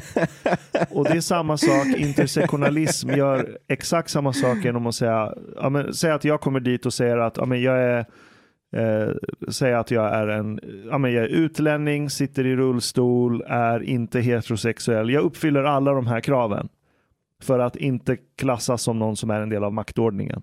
Men jag argumenterar emot intersektionalism så kan de till slut ändå säga att aha, men du har bara internaliserat din rasism. Så du är en del av problemet.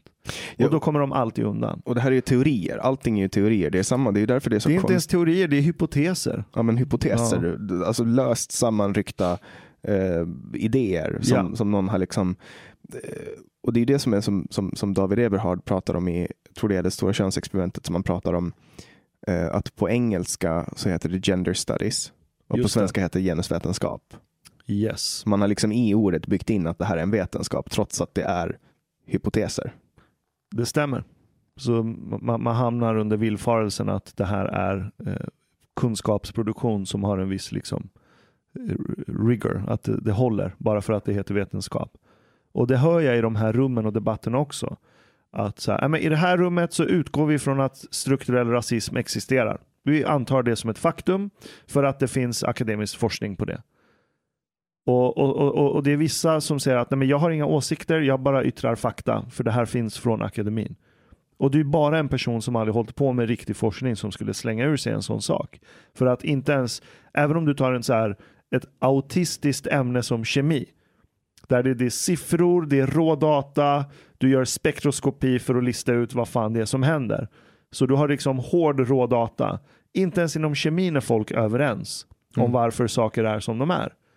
Men har du en hypotes som ska förklara alla orättvisor i världen, där råder det plötsligt ett konsensus. Så redan där är det, ett stort varningstecken. Mm. Alltså nu har det ju blivit som en fars. Eh, Ja men det är Monty Python sketch. Ja. Det är vad det är. Det är det. Eh, jag, jag kneper den här, är det okej? Ja, ja, kör. Så kan kör. vi- det så- finns, vi, vi, vi är sponsrade så vi får eh, hur mycket Ni är sponsrade av, av Red Bull eller? Precis. Shit, det är en, en eh, Red Bull. Det står organics på den. Jag, jag, jag är ju principiellt emot ekologiskt. Ja, du är det. Ja, Ja. jag tycker att det är, det är dåligt för klimatet. Eh, Det finns ju rätt mycket rön som pekar på det. Att en hel drös av ekologiska produkter är värre. Så därför är jag principiellt emot det. Men nu får vi ändå skåla i en organ. Har du har öl så du Jag klarar har det? öl, jag klarar mig. Bra. Sen tror jag inte Red Bull är så organiska som de får att framstå. Det är väl bara branding. Det heter ju ekologiskt på svenska. Det är också ett värdeord. Man undrar, man undrar vad, vad, vad betyder det? Är, det? är det smart för ekonomin eller är det smart för, för logiskt vet vi vad det betyder, men är det för, för ekosystemet eller för ekonomin? Det är det som är frågan. Ja, alltså generellt sett om du har spenderat årtionden, om inte ett århundrade, på att optimera en, en produktionskedja och sen kommer du och försöker producera samma produkt men med en helt annan produktionskedja. En sämre produktionskedja. Ja, men den blir sämre i det att liksom, det, logistiken är inte där, du måste sourca dina råvaror på ett Du helt annat Får sätt. mindre skörd, mindre skörd. Så, så kortare hållbarhet. Exakt. Då tenderar ju det att i slutändan, i slutet på dagen när du lägger ihop pusslet så bör det statistiskt sett leda till sämre hushållning med resurser. Mm. Sen finns det såklart, antar jag, undantag där det finns bolag som gör produkter som är ekologiska i dess äkta bemärkelse. Att det blir ett lägre koldioxidavtryck och bla bla bla. Men eh, ja, det är mycket värdeord och mode. Mm. För på engelska är det organic och det är naturlig eller organisk. Det betyder ju att det är naturligt. Det där stör jag mig också på. Alltså organic betyder att det är uppbyggt av kolväten. Mm. Va, vad är det för matvaror vi har som inte är organic egentligen? Mm. Allting är väl det. Allting är det och allting är ju naturligt. Mm. Jag hatar den dikotomin också. Allting är naturligt. Kärnkraft är Ja, naturligt. exakt. det finns i naturen. Mm. Det finns ju ingenting som, som, som det är väl om man import, börjar importera någonting från, från andra planeter, om man börjar plocka ner saker från Mars. Men Men det är väl också naturligt. Det är, Mars är en del av universum. Det är en del det av är uni- naturen. universellt. Ja, men det, det, allting är naturligt. Det, det påminner väldigt mycket om det här med att ja, men jag, jag driver ju tesen att svenskar är väldigt religiösa. Men att de fattar bara inte det. För De, att de är- tillber staten de behöver inte nödvändigtvis tillbe staten, men jag menar, även sekulariserade länder i väst tror på mytologi. Folk som är helt frälsta av upplysningens ideal om att det är individen som är i centrum av universum och att jag är en fri rationellt tänkande individ. Det bygger också på en djup mytologi. Och mytologin är att du har gjort grundantagandet att det finns någon körtel någonstans i din hjärna som skapar den här individen som du tror att du är. Och individ, idén om individ är ju också ett resultat av skrift, by the way. För att skrift är första mediet där vi kan sitta i isolation och få en världsbild. Mm. Ta del av andras idéer. Ta del av andras idéer, ta del av hur världen funkar eller hur andra tror att världen funkar. Så sakta men säkert när du läser så får du illusionen av att du har ett eget perspektiv. Så ut, utan skrift kan du inte kläcka idén som det var väl Descartes som fullbordade med jag tänker därför finns jag. Så, så jag, jag anklagar så här, jag, jag vill inte att jag ska bli missförstådd. Jag säger inte att skrift är dåligt och att vi ska sluta lära ut eh, alfabetet och skrivkonst. Det är inte det jag menar. Eh, skrift har- är en fantastisk uppfinning. Men jag säger att det finns baksidor av det som vi måste vara medvetna om om vi ska kunna ta oss igenom det här traumat som väntar när internet kommer. Så att vi kan förmildra det i så pass stor utsträckning som vi kan. Eh, men eh, så här, sekulära människor tror att då, religion var någonting gammalt och dumt. Nu har vi kommit förbi det. Nu är vi bara rationella och vi använder bara forskning för att bygga vår världsbild. Men du har fortfarande byggt hela din världsbild utifrån antagandet att du är en fri rationell individ. Och om det är någonting som liksom neurologin har kommit fram till senaste årtiondena, någonting som internet ganska enkelt så här blottar och avslöjar, det är att vi är inte den här fria rationella individen som vi har trott. Utan hjärnan verkar bestämma sig för vad den ska göra och sen bygger frontalloben liksom någon berättelse om varför vi tog det beslutet. För att rättfärdiga det och upprätthålla den här illusionen av att vi är i kontroll. Så, så jag driver den här tesen att även svenskar är väldigt, väldigt religiösa. Vi har våra ritualer, vi har våra mytologiska grundantaganden och så vidare. Men sen har man ju, nu har ju religion, ordet religiös, har ju blivit ett sätt att distansera sig från, på samma sätt som kyrkans folk när katolicismen och monoteismen tog över väst, säger vi. Eh, eller när västerländsk civilisation började byggas så kallade man ju sig själv för liksom de, de frälsta, det kristna folket och alla andra för barbarer. Mm. Man var rättfärdig och de var... Precis. Så, och, och det här ser vi i alla skeenden när nya samhällen byggs. Det är alltid ett självförhärligande som pågår i kunskapsproduktionen och historieproduktionen. Du kommer alltid se ett självförhärligande av sig själv, av dig själv och ditt eget folk eller ditt eget samhälle. Eh, Och på samma sätt som vi idag vi säger så här, ah, men de är religiösa, de är lite korkade, de har, de har inte förstått att så här, Gud finns inte. De har inte insett att man kan nå en mycket högre nivå av existens genom att vara en sekulär rationell människa. Medan det säger, jag ser exakt samma religiösa mönster i det du gör. Du bara har andra begrepp för det. Och i Sverige så byter man ut Gud mot, mot regeringen eller staten och sen se- den här, den här löjliga... Experten, byråkraten. Ja, och, och du vet, alltså hela det här, det, det manifesteras i de mest bizarra formerna, typ som att folk avgudar Tegnell. Eh, och, och regeringen eh, tillber Folkhälsomyndigheten och, och sådana saker. Ja, men vi är törstiga efter profeter i det här landet. Och i många delar av väst också skulle jag gissa. Men absolut. Men nu, jag råkade ju vara ett, inte ett fan ska jag säga, men jag var ju på Folkhälsomyndighetens sida när det gäller coronastrategi. Sen att de har haft vissa dialoger under ytan och sånt, eh, jag har inte alla de detaljerna. Men att ta det jävligt försiktigt och inte stänga ner. Eh, den aspekten har jag också ställt mig bakom. För jag menade att den data vi hade även för ett år sedan, men ännu mer idag, det är att det verkar inte finnas någon jättestark eh, korrelation som man kan säga är en kausalitet när det gäller nedstängningar och stringensen i nedstängningar och det här måttet som alla använder i den här globala coronatävlingen, dödstal per capita. Eh, så jag, jag var ju bakom Team Tegnell, i alla fall i deras praktiska beslut. Sen hur de kom fram till de besluten, där skiljer vi oss säkert åt, eh, tror jag. Men jag tatuerade inte in Tegnell, eh, som vissa har gjort. Ja, det var min nästa fråga. Om jag har tatuerat in ja, Tegnell? På skinkan. nej, nej. Det är helt sjukt att det finns folk som har tatuerat in Tegnell. Jag vet. Det, det, det är sjukt, men också lite roligt. Jag hoppas de har gjort det lite så här lättsamt. Jag hoppas de inte ser Tegnell som en profet, för jag tror inte han själv skulle vilja bli sedd som en heller. Jag har ju tatuerat in lite gubbar på mig. Ah, vad är det för gubbar? Ser du inte vilka det här? Vänta, är det Löfven en av dem? Nej. Nej, det är det inte. Det är The Beatles. Ah, det är The När Beatles. de går över Abbey Road. Jesus. Ja. Jag har aldrig varit ett Beatles-fan, det är därför jag inte kopplade. Så det var inte meningen att nej, håna. Här har vi. Är det Michael? Nej, nej, nej, nej, där är ju Queen. Det är Freddie Mercury. Ja, ja, ja. Så att jag, jag har ju, men, men det är ju inte, alltså, De var snygga. Det är ju silhuetter. De var skitsnygga. ja, jag, jag har bara silhuetter. Jag tänker att jag, är- jag är för rädd att, att, vet, man, man tatuerar in något ansikte och så blir det fel. Japp. Sen har jag två namn också. Jag har John Lennons autograf här. Hmm. Och sen har jag skrivit Sid här, Sid Barrett. Tungt. från Pink Floyd. Men, men det, är, det är också ett, alltså ett uttryck för jag knyter, jag knyter de här människornas verk så starkt till min identitet att jag kan bära deras symboler på min kropp. Ja. Ehm, folk har jättesvårt att förstå det. Men vi är symboliska varelser. Det är vi. Har du tatueringar? Jag har tatueringar. Vad är din take på tatueringar? Alltså för mig är det bara antingen en kombo av så här dekoration slash påminnelser. Mm. Saker som jag kanske ibland glömmer bort och behöver bli påmind om. Man kommer ju bara ihåg dem de två första veckorna, sen glömmer man dem.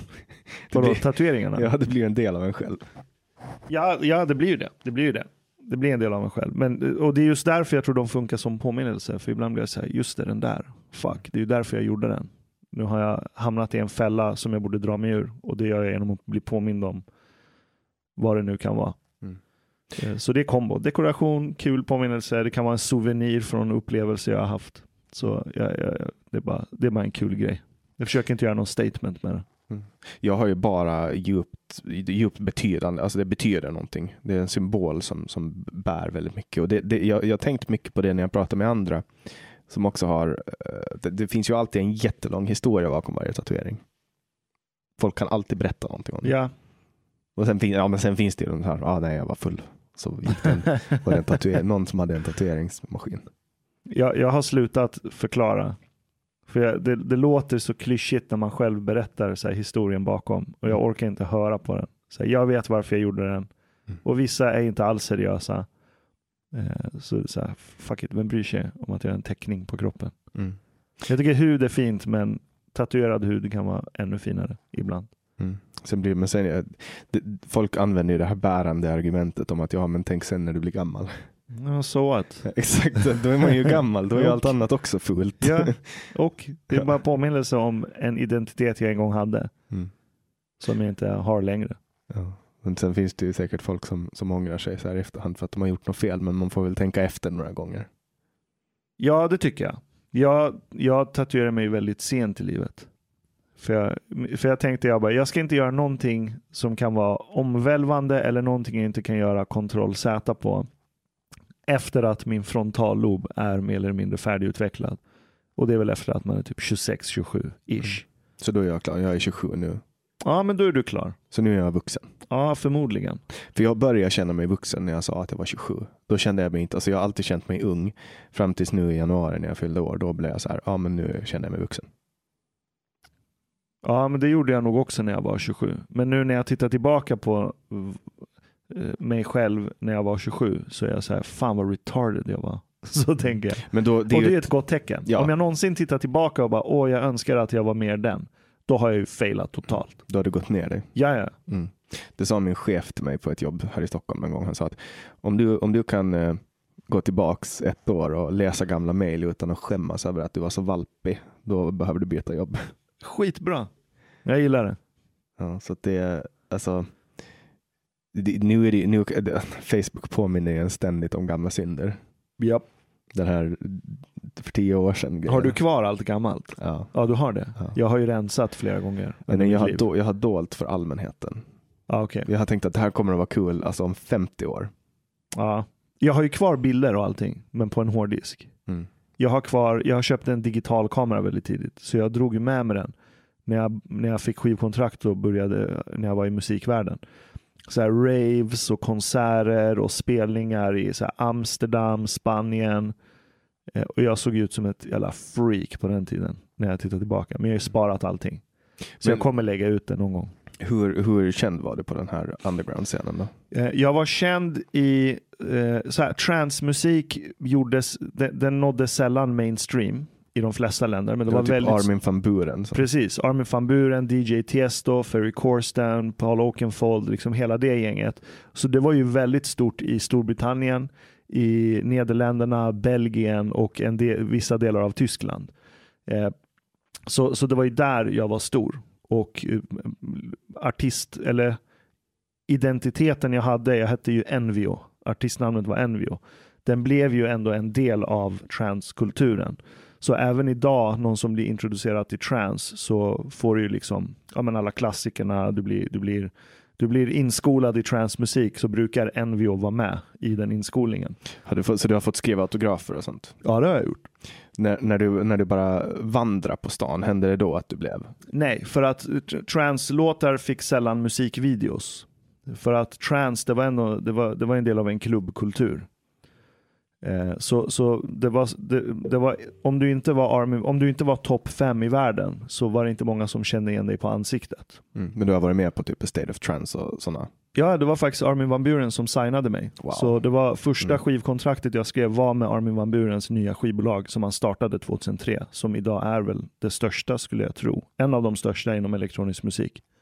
Mm. Ja, det är det är ju typ eh, popvärldens eh, alltså motsvarighet till Beatles, är ju Armin Ja, van Buren inom Precis, trance. exakt. Han är ju gudfadern. Liksom. Ja, det var helt sjukt. Som 17-åring. bli Och då, har- då, har du, då har du hängt med honom också. Ja, ja. Det Och det, var, det var en jävligt rolig resa. Och den pågick liksom 6-7 år, sen tröttnade jag på det. Han och Tiesto har väl också, Tiesto är väl också typ en av de största. Men han, han hoppade över till den mer kommersiella musiken sen. Han blev väldigt kommers och nu har han väl typ lagt av, mer eller mindre. Jag vet att han bodde i Sverige ett tag. Ja, han bodde i Stockholm. Ja, det, var precis. för att, det var för att det var så många duktiga som kom härifrån, typ Avicii och alla dem. Ja, ja. Ja, jo, med Swedish House Mafia. Mm. Så liksom vi, vi tog ju över, vi ska inte säga, jag, jag ska inte ha någon cred för det alls, men, men svenskar, eller Sverige tog ju över hela house-scenen. Tack vare Swedish House Mafia och sen kom Avicii och allt det där. Ja. Var, det inte, var det inte först Avicii? Och sen Swedish House Mafia? Nej, nej, nej, de höll på långt innan. För de alla tre hade ju sina egna karriärer. De hade sina egna karriärer och sen eh, Swedish House Mafia var ju ett etablerat brand innan Avicii kom.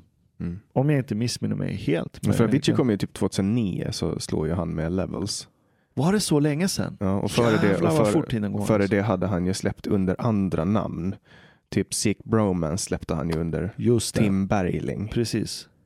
och sånt. Så att han hade lite olika pseudonymer där. Men jag hade för mig att Swedish House Mafia kom typ 2011. Ja, men som konstellation kan det mycket möjligt ha varit så. Mm. Men de alla hade ju sina solokarriärer. Precis. Mm. Och några av dem kör ju på fortfarande. Mm. Och, och sen, jo, Eric Prydz, Call on Mm, Me. Pryda, ja. Den Verkligen. var ju också, den blev ju, det var en global bomb. Men han ville ju inte bli känd för den. Det var ju samma, Pink Floyd gjorde ju exakt samma grej när de släppte eh, The Wall och Another Brick in the Wall kom och folk började dansa till den på disco. Gillade inte de det eller? Nej, de var såhär, fan är det här? Och det var väl lite samma för Pryda, att han, han släppte Call on Me och sen blev det liksom så här. Det, det kom fel människor på spelningarna. Ah, fattar. Okej. Hade du träffat honom? Nej, det har jag inte. Men jag kan förstå vad han menar, för han är ju ändå en väldigt så här, ja, men stilistisk producent som är jävligt skicklig i det han gör. Sen att det kommer fulla packade liksom fjortisar eller 20-åringar och drar ladd och krökar ihjäl sig och dansar till hans musik. Jag kan fatta att han blir så här, det här är inte vad jag ämnade med Mm. min konst. Nu reserverar jag mig för det här är ju Urban Legends. Jag har inga Ja. källor på det här, men det sägs så i alla fall. Ja, Okej, ja, jag har inga källor på det heller, men om det är så så har jag eh, empati för hur han känner. I Mm. get it. Men personligen för min del, att stå på en scen och så här, DJa och sen se 5000 pers gå bara bananas av din låt. Det är fan en mäktig känsla. Och i den stunden sket jag fullständigt i hur de såg ut och vem de var. Och vilken, jag vet inte, kulturell skåra de identifierade sig med. Vad är den största spelningen du har gjort? Hur många? Eh, största, så här, största eventet som jag varit på där jag har fått se folk reagera till min musik, det var 20 000 pers. Men då var inte jag DJ, utan då hade jag skrivit temalåten för en festival i Nederländerna som heter Trans Energy. Och den, den, den sker ju i typ deras motsvarighet till Älvsjömässan eller Svenska mässan. Det är bara en gigantisk mässhall som de gör, de gör om till en klubb. Eh, så det är ju enormt. Så det var 20 000 pers som stod och stampade och hoppade till min musik. Och jag stod uppe i någon så här VIP-balkong och kollade ner. Eh, Det var, det var sjukt surrealistiskt. Sjukt jävla surrealistiskt. Så du har, du har liksom haft, du har levt ett liv där du har varit professionell musiker och gått runt och varit känd och producerat musik. Ja, men, men så, som sagt, inte känd på det sättet folk kunde inte koppla ihop mitt ansikte till Envio. Mm. Så det var i så fall om jag var på en nattklubb eller på ett event där de, då fattade de att jag är Envio. Mm. Så det har inte varit att jag går runt på stan och folk kommer gå, Mm. komma fram till mig. Så den delen har jag aldrig upplevt. Men du har gjort ett avtryck i en subkultur som är bestående. Och nu, nu, Absolut. Sit, och nu sitter du med Blattelegan i en källare på Ja. Södermalm och poddar istället. Källare inte, vi har ju vattenutsikt där borta. Så Ja, ja, ja. någon progress har jag. Ja, men man, du vet, det är stilistiska grepp. Man måste ju alltid vara Självklart. man måste alltid, är att man kan inte låta verkligheten komma i vägen för en bra historia. Nej, men, och jag har aldrig gillat att vara i så här the mainstream där allting blir serverat och allting är klart. Jag har alltid gillat garaget liksom. För att det tvingar dig till att tänka annorlunda. Det tvingar dig till att alltid stanna punk. Och Mm. det tror jag blir en sorts kvalitetsgarant i det långa loppet. Hur ehm, du, du försörjde dig på musiken? Jag försörjde mig på musiken men sen började jag plugga parallellt när jag började tröttna på spelningar och sånt. För det var, alltså dels tröttnade jag på musiken för jag hade lyssnat, jag växte upp med hiphop och sen ja, men Kent och hela den resan, sån musik. Men trance lyssnade jag på sen jag var kanske 12 parallellt med allt annat. Jag lyssnade extremt mycket på trance. Så när jag var typ ja, men 21, då hade jag hållit på med musik i fyra år. Då har jag lyssnat på trance varje dag i tio år. Så jag bara tappade kärleken för den genren helt och hållet. Så det var egentligen därför jag la av. Så jag började plugga parallellt med att jag höll på att avveckla musikkarriären. Och så ska du förklara för, för dina far och morföräldrar vad du, vad du jobbar med då. Alltså jag gör musik vid en dator och så står folk och hoppar och tuggar käkarna och ögonen är bakåtrullade och det är jättemycket blinkande ljus. Ja, men det var ett tag som jag tror att de trodde att jag typ har någon jävla psykos. När jag sa att ja, men jag ska få skivkontrakt. De bara, vad, vadå? Så här, vad är det här för musik? Vi har aldrig hört det här på radio. Så här, är det någon som lyssnar på det här ens? Och så försökte jag förklara. Jag visade dem så här, Napster, mp3.com var ju en sajt som var jävligt stor på den tiden. Där eh, ja, men, eh, okända artister la upp sin musik och många blev ju upptäckta via den plattformen. Så försökte jag visa skalan av hur stort det här är och hur många spelningar och lyssningar det finns runt om i världen. Och på den tiden fanns ju inte Spotify och sånt, så det gick inte att visa någon direkt hård konkret siffra. Men sen till slut så kom ju skivkontrakten med posten och de såg att ja, men det här är ju professionellt skriv, skrivna 40 sidor långa kontrakt.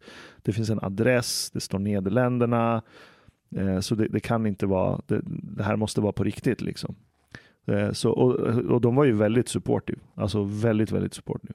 Jag spelade ju på klubbar innan jag var 18. Så jag blev ju insmugglad och så fick jag spela och så här. Eh, och det, jag ska inte säga att de var fine med det. Men jag var, jag var väldigt ansvarsfull, så jag, jag, jag, gick inte runt och knarkade på sådana här fester och sånt på den tiden. Liksom. Men du Eh, växte upp här i Stockholm eller? Jag växte upp här i Stockholm, precis. Mm. Så, så de, de litade ju väldigt mycket på mig. Så de försökte aldrig hindra mig från den karriären. Fastän de fattade att ja, men trance och rave det associeras med tunga droger, bla bla bla. Eh, jag var väldigt ansvarsfull. Så de litade på mig. Så de, jag fick ju fullt stöd av dem. Men du, du körde också på med festdroger och så? Nej, inte i den åldern. Jag började experimentera, experimentera med psykedelika eh, i äldre dagar. Eh, inte i den åldern. Jag, jag var rädd för sådana substanser. Cannabis provade jag när jag var kanske 21, 20 första gången. Så det var inget jag hade börjat med tidigt heller. Vad har du lärt dig av, av psykedeliska droger då? Grejen är att när man är i ett så här, jag förespråkar ju för inte att alla ska gå och ta psykedelika, för det är ingen så här expressway till visdom eller att du ska fatta allting. Det är inte så det funkar. Eh, och för mig så är psykedelika verkligen ingenting som du gör för att så här festa, nu ska vi gå loss. Eh, då är det samma, gå och drick sprit istället. Liksom. Om det är det du är ute efter, om du vill bara stänga av verkligheten. Eh, för vad vissa psykedelika gör, det är motsatsen till att stänga av verkligheten.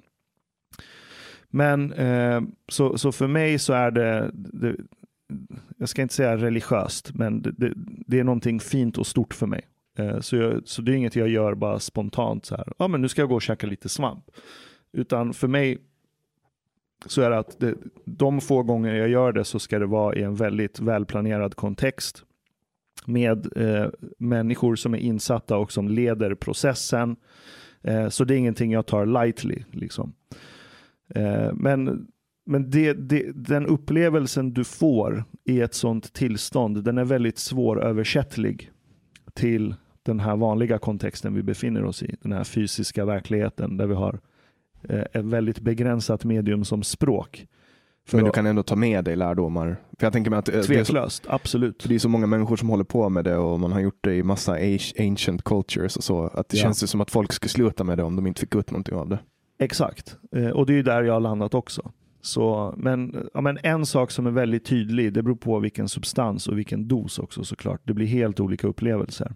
Eh, men om man gör en process, en ritual eh, och får en ganska stark dos psilocybin till exempel, som kommer från vissa svampar, eh, då blir det ju väldigt tydligt att ditt ego, att det är en konstruktion i ditt huvud den får du bara rakt in serverat i ansiktet. Och den kan vara ganska hård och brutal första gången när du inser det. För att eh, en vanlig händelse det är att mycket gamla konflikter och draman och problem som du har haft i livet, eh, de börjar spelas upp som en film i ditt huvud. Medan du har noll koppling till din fysiska kropp längre. Det är inte att du är förlamad. Alltså du kan fortfarande röra dig, du är medveten om att du är inne i ett svamprus. Du blir inte dum i huvudet som du kan bli av sprit. Så du är fullt medveten. Och skulle du behöva, skulle du liksom kunna bara gnugga ögonen, tända ljusen, ställa dig upp och typ, fan vet jag. Ringa en ambulans. Om, det någon, skulle om, behövas. om, om, om någon skadar sig. Om det skulle hända, absolut, ja. Eller nu beror det på, det är dosberoende. Men det är därför eh, det ska alltid finnas människor som är erfarna i rummet. Mm. Speciellt när det är någon ny som ska testa det här för första gången. Eh, men de sätten som jag har gjort det på med erfarna ledare, där har det aldrig någonsin varit i närheten av att ens behöva ringa en ambulans. Nej, men jag tänker typ om, om, om det sitter ett helt rum och alla har tagit och sen faller någon omkull och slår huvudet. Eh, det är inte så att man är helt handlingsförlamad och inte klarar av att utföra operationen. Ring Ja, det beror på 112. vilken dos. Mm. Det beror på vilken dos. Så jag skulle inte säga att det är helt garanterat att du klarar av det. För jag, jag vet ju till exempel när det har hänt saker. Eh, jag har varit full. Jag dricker ingenting nu. Eh, jag har inte druckit på fyra år. Men när jag har varit full och så hade det hänt, det skedde en olycka en gång. En person skadade sig ganska ordentligt och, och, och då fick jag ringa ambulans och då var det som att det knäppte till och så blev jag nykter.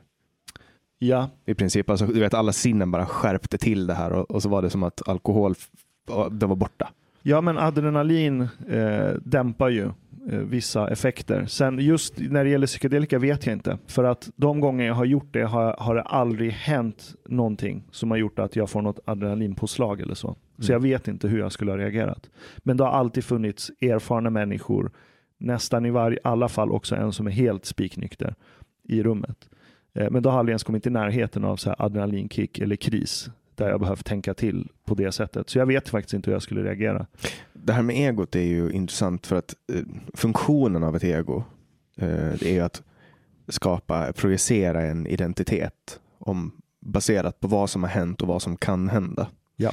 Och det gör ju att, att eh, egot, man brukar prata om att egot är någonting dåligt. Egoism, egocentrisk, ego bla bla bla. Um, men, men det som händer när ett, ett ego upplöses är väl att man på något sätt far in i samma tillstånd som djur gör. För att djur har ju inga egon. Det är det som är skillnaden på, på Luna som ligger där. Hon har ju ingen hon, hon, har ju inget, e, hon har ingen röst i sitt huvud som förklarar för henne vem hon är och vad som kan hända om hon gör vissa saker, utan hon är bara i nuet. Förmodligen så, ja. Vad händer när man upplöser egot? För mig så var det ja, men till exempel eh, chocken jag fick när massa konflikter och saker i mitt liv som började spelas upp eh, när jag hade liksom kommit djupt in i ruset då, och var mer eller mindre bortkopplad från min fysiska kropp. Jag kände inte den längre. Liksom. Jag var i ett helt annat stadie, helt annan dimension. Och när de här konflikterna, många av dem som jag förträngt, började spelas upp i huvudet, så fanns inte Ashkan där. Det var inte Ashkan som observerade dem. Så det fanns inget självintresse i hur de här draman utspelade sig i den här filmen som spelades upp i mitt huvud. Det var huvud. som en objektiv part? En helt objektiv part. Där jag plötsligt kunde, och så plötsligt liksom ser jag kanske en dialog mellan mig och någon annan människa som har varit något så här, ja men något smått traumatiskt, någon konflikt. Och så kunde jag plötsligt se mig själv utifrån den andra personens ögon så stod jag och pratade med mig själv och fattade varför vissa människor tolkar mig på ett visst sätt. När jag kunde observera mig själv från någon annans ögon. Så det blir någon sorts så här hyperempatisk upplevelse av saker du har varit med om fast från helt andra perspektiv än ditt eget. Eh, och när du genomgår en sån upplevelse flera gånger och sen kommer tillbaks till det här vanliga tillståndet vi alla är vana vid du tenderar ju att ta saker på mycket mindre allvar. Mm. Och då menar jag inte att man blir oseriös och typ skiter i livet och inte betalar räkningarna. Eh, tvärtom. Eh, liksom det är inget jag är mer sugen på efter att ha gått igenom en sån ritual. Att så här, get back to work, göra grejer, skapa saker. Men konflikter och sånt biter inte lika hårt jag tar inte saker på lika stort allvar. När någon säger någonting som typ mitt egos naturliga reflex är att ta illa upp eller känna sig kränkt eller försöka gå till motattack eh, så tränas det till slut in en sorts reflex mot egot. Där det blir, vänta, vänta, nu är det bara egot som snackar. Det är kanske det vi ska göra för att lösa det här problemet med den skenande identitetspolitiska woke-rörelsen som håller på infiltrerar alla vrår av samhället. Det skulle kanske kunna hjälpa. För jag menar, den bygger ju väldigt mycket på att det är egot som styr. Tror jag. Nu är jag inte en sån person, så jag vet inte hur de känner och tänker. Så jag vet inte. Mm. Har du tagit DMT? Eh, det har jag. Jag pratade med en person som har testat DMT och han sa att alltså det här sker väl typ under några minuter. Alltså hela ruset sker under någon minut. Det beror på hur du tar det och röker, så. röker in. Ja, men sen kan du inta en, eh, så, en MAO-hämmare, monoaminoxidas. Det är ett enzym i din kropp som bryter ner DMT. DMT produceras ju naturligt i din kropp i väldigt låga doser. Och sen finns det hypoteser om att när man drömmer så får du ett litet, litet så här utsöndring av DMT. Eh, eh, och sen har du ett enzym i kroppen som heter monoaminoxidas och det är den som bryter ner DMT. Så om du äter eller röker en monoaminoxidashämmare, eh, då, då kommer DMT brytas ner mycket långsammare i kroppen. Eh, men, men sen är det dosberoende också. Men det kan vara allt ifrån 4-5 minuter till 20 minuter. Mm, för han, han här som berättade i alla fall att han, han, blev, han var borta i typ max 10 minuter. Eh, men han blev, han blev eh, kidnappad av aliens och så togs han in på ett rymdskepp och så var de jättesnälla med honom och ledde runt honom och höll honom i handen och visade honom massa saker. Ja. Eh, och, och ja, kan du berätta om din upplevelse av DMT? Eh, det, det, det, det, det som är fascinerande är att det är väldigt många återkommande element eh, hos människor som tar DMT oavsett vilken kulturell kontext de är uppvuxna i, var i världen de befinner sig. Det finns till och med en encyklopedi på internet där konstnärer försöker göra avbilder av alla de här figurerna och karaktärerna och entiteterna som man träffar på i DMT-världen. Eh, och det, jag får gåshud nu när jag säger det, att det, det är så många återkommande karaktärer i alla människor. Oavsett vart de kommer ifrån, vilken religion de är uppvuxna i, så är det återkommande element hela tiden. Eh, och ett element är ju den så kallade the operating table, operationsbordet. Wow, det var det han pratade om? Ja, Ja, eh, att han låg på ett operationsbord? Ja, ja, och jag kommer ihåg eh, att liksom bara några sekunder efter att jag fick substansen in i kroppen eh, så, liksom, så, så kom det fram ett sorts Nej, men en så här grafik ovanpå mitt synfält som stod framför allt annat i bakgrunden, alltså väggen och människorna i rummet. Där det var så här fraktalmönster i lite olika färger eh, och sen, och det var en ganska hög dos, eh, så, jag, så det var ju förberett så att jag ska lägga mig ner eh, och så hade jag en filt på mig Eh, för det, det, går inte att sitta upp med, med den dosen. Och sen stänger du ögonen och eh, om du släpper kontrollen och inte försöker kämpa emot. Alltså för att har du kontrollbehov och försöker kämpa emot så kommer du oftast inte liksom bryta igenom, som det heter, till DMT space.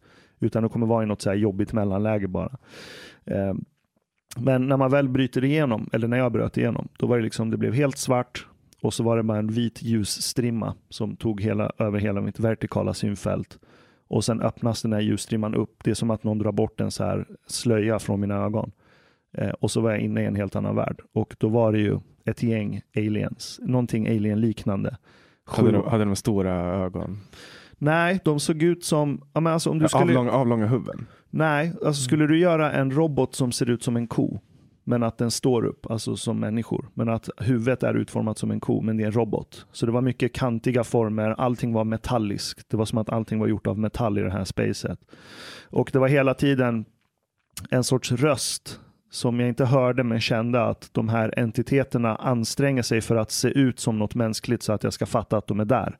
Men att de egentligen inte ser ut så. Men det var ett operationsbord och så stod det sju, åtta sådana entiteter runt det här operationsbordet och jag kunde inte se vad de gjorde.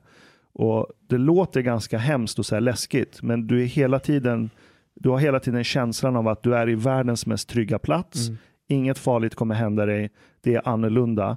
Men det här är en place of care. För det förklarar han också att han kände sig eh, välkommen och, och de visade honom saker. Ja, alltså, om någon skulle säga typ hur det känns att åka tillbaka till livmodern. Liksom, det är typ den känslan. Nu vet jag inte hur det känns, men det var väldigt omhändertagande feeling. Eh, och då och då så tittade de mot mig och typ gjorde en liten smörk, så här, ett mm. litet flin. Men inte ett elakt flin, utan så här, dude, allt är lugnt. Ta det lugnt, allting kommer make sense snart. Och sen efter ett tag märkte jag att det är jag som ligger på operationsbordet. För plötsligt skiftades vinkeln och så ligger jag på bordet och så ser jag alla dem stå över mig. Och jag fattade inte vad de gjorde. Men det var en känsla av så här förberedelse för någonting. Eh, och sen det är ganska långt, men, och jag kommer inte ihåg alla detaljerna. Man glömmer bort ganska mycket redan direkt efter att man vaknar tillbaka. Det är som när man drömmer en intensiv dröm. Man glömmer bort rätt mycket detaljer. Eh, men sen eh, liksom trickster-figurer är väldigt vanligt återkommande eh, och en sån stötte jag på också. Och den var inte heller ond eller elak utan den var mer så här.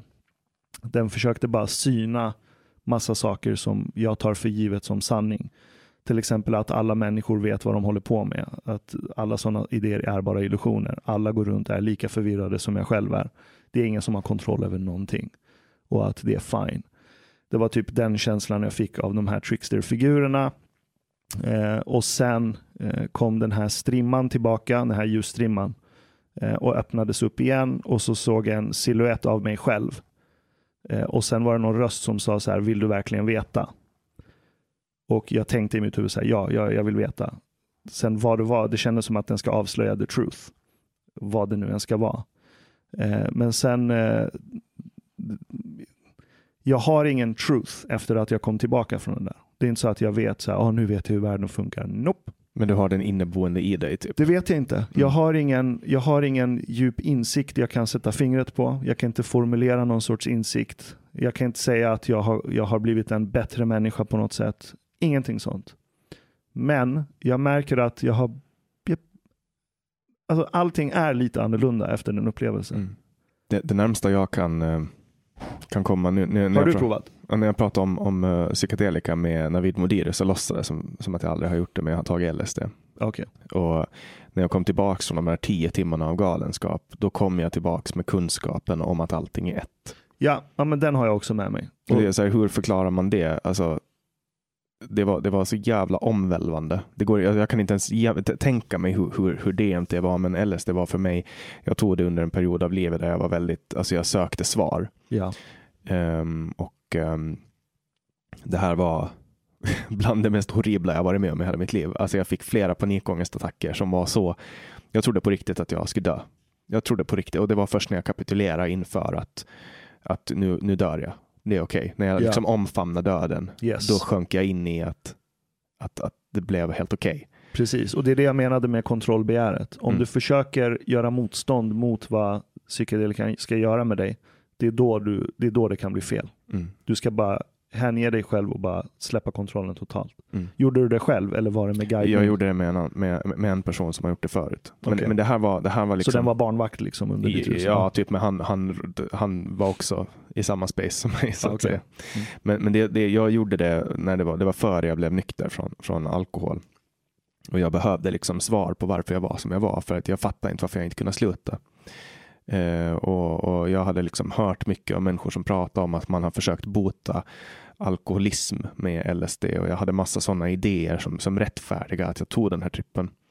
Eh, och det som skedde, det, det jag fick ut av det, det var att jag insåg att det finns en kraft som är starkare än mig. Det finns så, saker som är helt otroliga och helt underbara. Mm, som inte jag kan formulera i det stadiet som jag är i när jag bara är Ja som nu.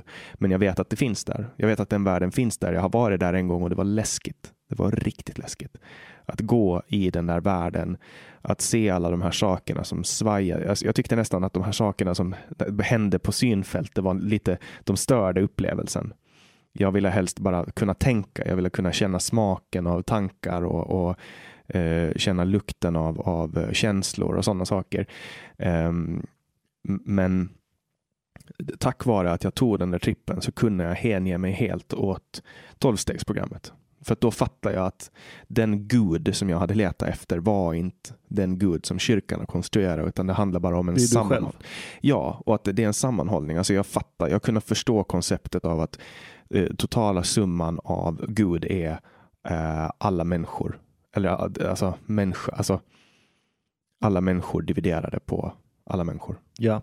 Så att, att, att Gud är den totala mänskligheten i ett. Eh, Det går, det går inte att förklara, men tror Nej, det, det är en helt annan grammatik i den världen. Ja. Eller i det tillståndet. Men det jag själv ord. gillar inte heller det visuella. Jag brukar ju, de gånger jag har gjort det så har jag haft eh, sovmask. Mm. Så när det börjar kicka igång så är det liksom, det ska vara mysigt underlag, jättemysig belysning, men sen sätter jag på eh, sovmask. Så att det ska vara helt svart, så att jag bara kan blunda. Och sen musiken är extremt viktig också i bakgrunden. Mm, Pink Floyd. Du kör Pink Floyd? Ja. ja.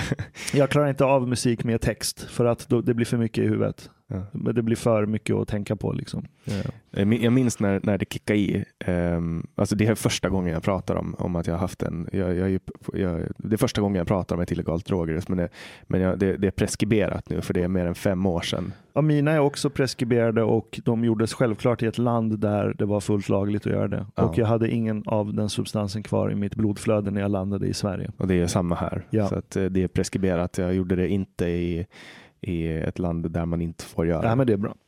Men det, som, det, som, det första jag märkte när, när den här substansen kickade i, det var att jag satt och lyssnade på, jag hade en musikvideo på, alltså Eagles. Um, Hotel California, eller? Ja. Och då spelar han ju på en, han har ju, han har ju en dubbelgitarr med två halsar liksom. Mm. Och det fick mig att, att tro att han hade åtta armar.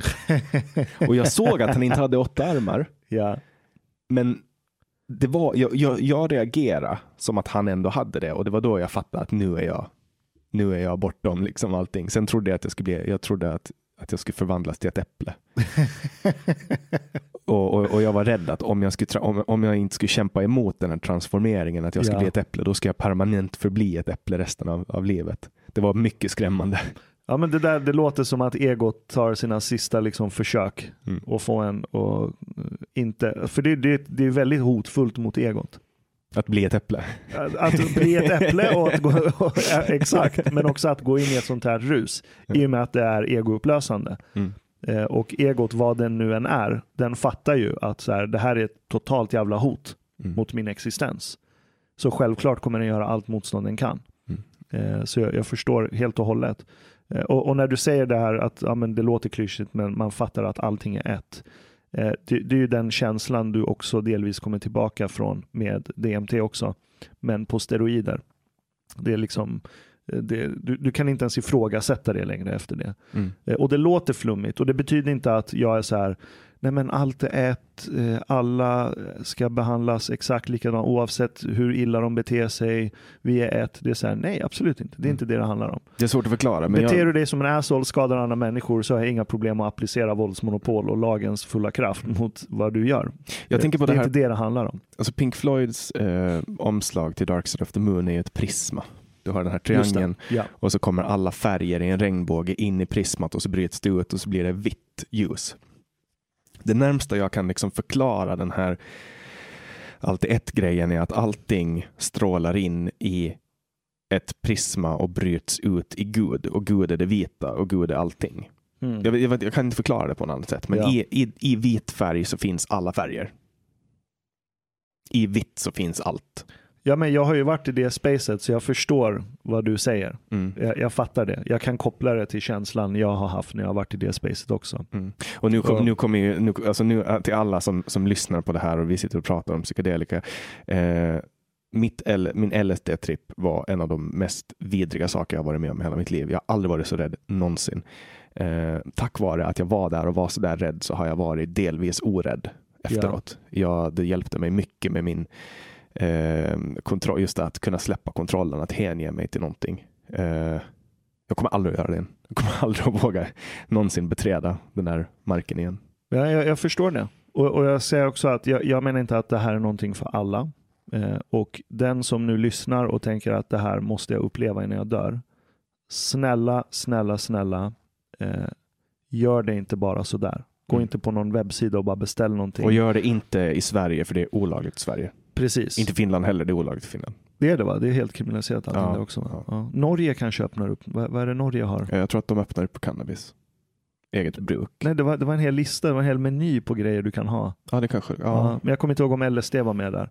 Men, men om den som ska göra det, läs på som in i helvete. För det här är inte någonting man bara gör för gör man det på minsta lilla fel sätt så kan det vara väldigt, väldigt negativt. Alltså det är också som att ge sig ut i trafiken i, Thailand i, utan körkort och aldrig ha kört en bil förut. Man gör det inte. Liksom. Precis. Enda skillnaden är att för att få körkortet måste du ge dig ut i trafiken och det finns inget sätt du kan bli tränad på det. Men vad du kan göra är att se till att du gör det med människor som har erfarenhet och som vet vad de håller på med. Och att eh, Eh, varan inte är något crap som någon idiot har gjort och säljer på gatan. För att det finns massa fake-varianter av LSD också som man inte vet hur det påverkar din eh, fysik och din hjärna på lång sikt. Så det säger, jag har enorm respekt för de här substanserna men jag också försöker vara väldigt mån om att säga att man ska inte leka med dem. Eh, du hade ju tur att du kom tillbaks därifrån och har inte haft blivit traumatiserad och så här långtids psykiskt sjuk av det. Medan det finns fall där det har skett för att man har gjort det eh, jag menar att man ska inte vara i ett tillstånd där man bär på färska trauman. Man ska inte ha många konflikter runt Man ska inte vara sig. deprimerad och vara ledsen. Och ha... Absolut inte. Man ska, man ska må rätt bra i livet. Precis. Och, använd, och gå inte på en fest. Alltså, Fuck no. Alltså folk som tar LSD och går på fester. Det är det dummaste du kan ja, det är göra. helt otroligt. I vilken psykedelisk substans som helst. Det har ingenting på festen att göra. Det är, alltså, jag, jag, en annan sak som jag konstaterar var att LSD är inte en drog det är någonting annat. Jag har ingen namn för det. Jag, skulle, jag vill kalla det någon form av essens. För mig är det en portal. Det är en portal till ett egolöst tillstånd. Mm. Och från det så kan du extrahera rätt mycket värdefulla eh, saker som kommer påverka hur du är i ditt liv efter. Mm. Men det är ingen mirakelsubstans som löser dina problem. Mm. För de som har spelat dataspel och sånt kan tänka att det är som att GTA, när man får gå loss, sno bilar, krocka bilar, Aha. slå ner människor på stan. Det är typ så. Du får simulera dina tankar på ett helt annat sätt. Än, du kan liksom utforska saker som du inte kan utforska. Ja, om GTA var ett spel som handlade om att ditt ego löses upp, så är det. Eller som typ i The Matrix, där de bara jackar in den här slangen i din nacke och så kommer du in i en helt annan mm. värld. Jag har inte vågat kolla på Matrix. Därför att när jag kollade på Shutter Island när jag kanske var 18, Är det DiCaprio-filmen? Ja, Ah, okej. då fick Ja. jag en panikångestattack som var så stark så att mamma måste eh, mata mig med bensodiazepiner. Är det sant? Ja, ja, alltså det var, den, Den är ju dark alltså. ja, den där fucken i slutet, alltså den där plot-twisten. Ja. Alltså, min, Spoila inte för jag har glömt plot-twisten, jag ska Ja. se om den. Ja, den är, den är vidrigt alltså. Ja. Men min, min största rädsla var ju rädslan för att bli galen förut. Tappa, tappa, eh, alltså. Och sen blev jag ju galen. Det var ju det som var så sjukt. Eh, Min, min största rädsla var att bli galen. Sen blev jag galen, försökte ta livet av mig eh, och hamna ett år inne på sjukhus för att jag var galen. Eh, Ga- Galen på vilket sätt då? Hur manifesterade sig det? Ja, men alltså, jag fattade irrationella beslut. Jag hade tre jobb samtidigt och jag sov inte och jag använde alkohol och benzo för att kunna liksom, slä- stänga av min kropp och så använde jag ADHD-mediciner för att kunna få min kropp att gå. Alltså jag försökte ta kontroll över kroppen med substanser och till sist så börjar man ju se gröna och blåa gubbar som springer runt i synfältet. Alltså, det är ju oundvikligt i Mm. princip när man är helt sleep deprived. Eh, och min största rädsla var ju att bli galen och så blev jag galen. Ehm, det lärde jag mig också under det här LSD-ruset att vad jag än är rädd för med att bli galen så finns det ingenting som är så galet som att vara i LSD. Så att, Ah, om du förstår vad jag menar. Ja. Jag har redan varit på botten alltså av galenskapen. Jag har redan varit med om allt det mest galna som går att vara med om. Det är ungefär som att hoppa fallskärm. Det är aldrig roligt att åka berg och dalbana genom att hoppa fallskärm. Nej, det är sant. Nu vet inte Ja. jag att hoppa fallskärm, men jag har stulit den där. Eh, Jag har hoppat fallskärm, fast nu när jag tänker på det, jag, skulle, jag kommer aldrig göra om det. Men jag skulle åkt berg och dalbana lätt. Mm. Men, men okej, men jag förstår vad du menar. Eh, I get it. Och det är därför jag inte kan så här, emphasize this enough. Lek inte med skiten.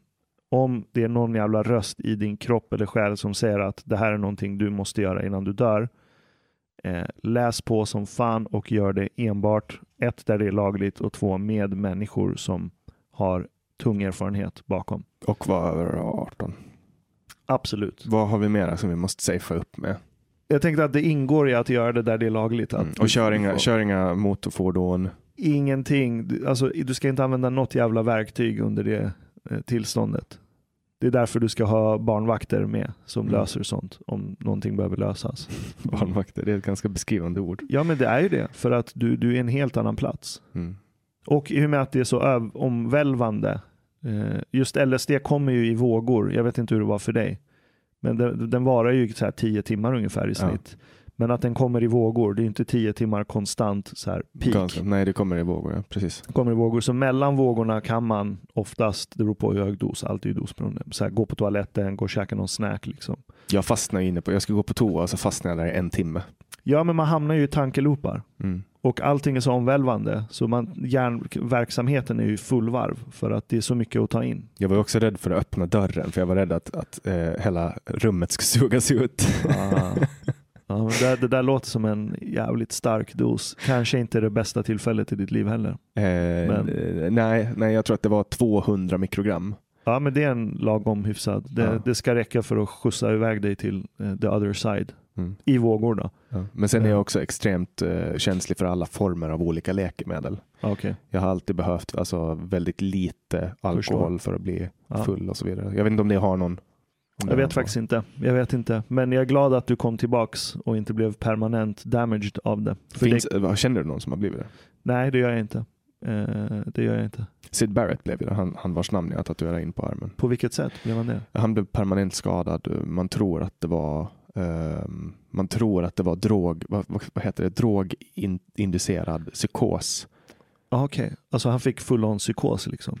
Ja, han Livet- fastnade i den. Men, Ja, men det, det kan också vara, det här var ju på 60-talet så man var ju inte super high på forskningen då när det kommer Ja. till schizofreni. Men idag ska han antagligen ha blivit eh, diagnostiserad med latent schizofreni som utvecklades för tidigt på grund av heavy drug usage. Men han rökte väldigt mycket cannabis och tog väldigt mycket LSD. Ja. Ja, det finns ju ett tillstånd som heter HPPD. Jag har glömt vad det står för. Men det är att vissa människor får en... Eh, du blir permanent hög på eh, den hallucinogena drogen. Eh, men inte emotionellt eller känslomässigt eller fysiskt, men typ ditt synfält.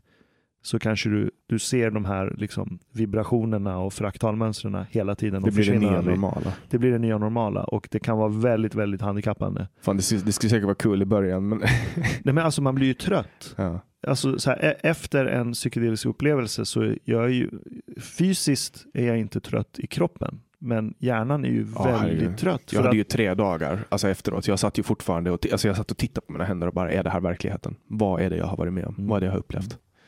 Det var sensationellt och det är första gången jag har pratat om det offentligt. Vi firar alltså mitt hundrade samtal med, för det här är det hundrade samtalet som jag har med att avslöja. Grattis, det är stort. Tack. Det är över 200 timmar som jag suttit och spelat in och, och du beära min podd med att vara nummer 100. Jag är ärad, djupt ärad. Och nu har alla som lyssnar på det här samtalet idag fått höra eh, om min LSD-tripp och jag hoppas att eh, ni inte gör någonting som jag inte skulle ha gjort. säger man så. Fast jag har ganska skeva gränser så jag hoppas att ni inte gör någonting som ni inte ska göra helt enkelt. Och eh, jättestort tack för att du kom hit, Ashkan. Tack Henning. Och eh, till alla er som lyssnar så vill jag tacka er för att ni fortsätter stödja den här podden genom att swisha på 070-352 2472 eller patreon.com samtal. Ni hittar ju länkar i beskrivningen till det här avsnittet eller på min hemsida www.samtal.ax. Där kan ni också gå in och tipsa om gäster och jag tycker om när ni tipsar om gäster. Nu har ju ni tipsat väldigt mycket och önskar Ashkan och er önskan är min lag. Eh, så fortsätt med det och gå också gärna med i samtalsgruppen för podcasten Samtal som du hittar på www.samtal.ax. Jag släpper nya samtal alla onsdagar året runt. Jag heter Jannik Svensson och du har lyssnat på podcasten Samtal.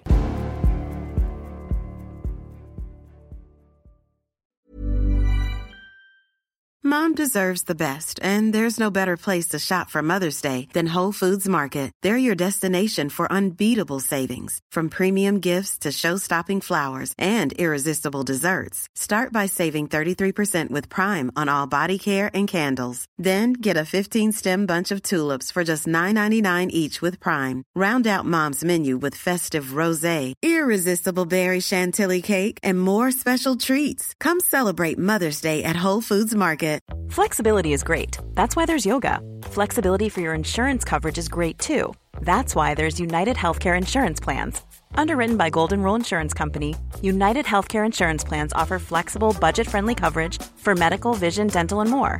One of these plans may be right for you if you're, say, between jobs, coming off your parents' plan, turning a side hustle into a full hustle, or even missed open enrollment. Want more flexibility? Find out more about United Healthcare Insurance Plans at uh1.com. Hi, I'm Daniel, founder of Pretty Litter. Did you know cats tend to hide symptoms of sickness and pain? I learned this the hard way after losing my cat, Gingy. So I created Pretty Litter, a health monitoring litter that helps detect early signs of illness by changing colors, saving you money and potentially your cat's life. Pretty Litter is veterinarian developed, and it's the easiest way to keep tabs on your fur baby's health right at home. Go to prettylitter.com and use code ACAST for 20% off your first order and a free cat toy. Terms and conditions apply. See site for details.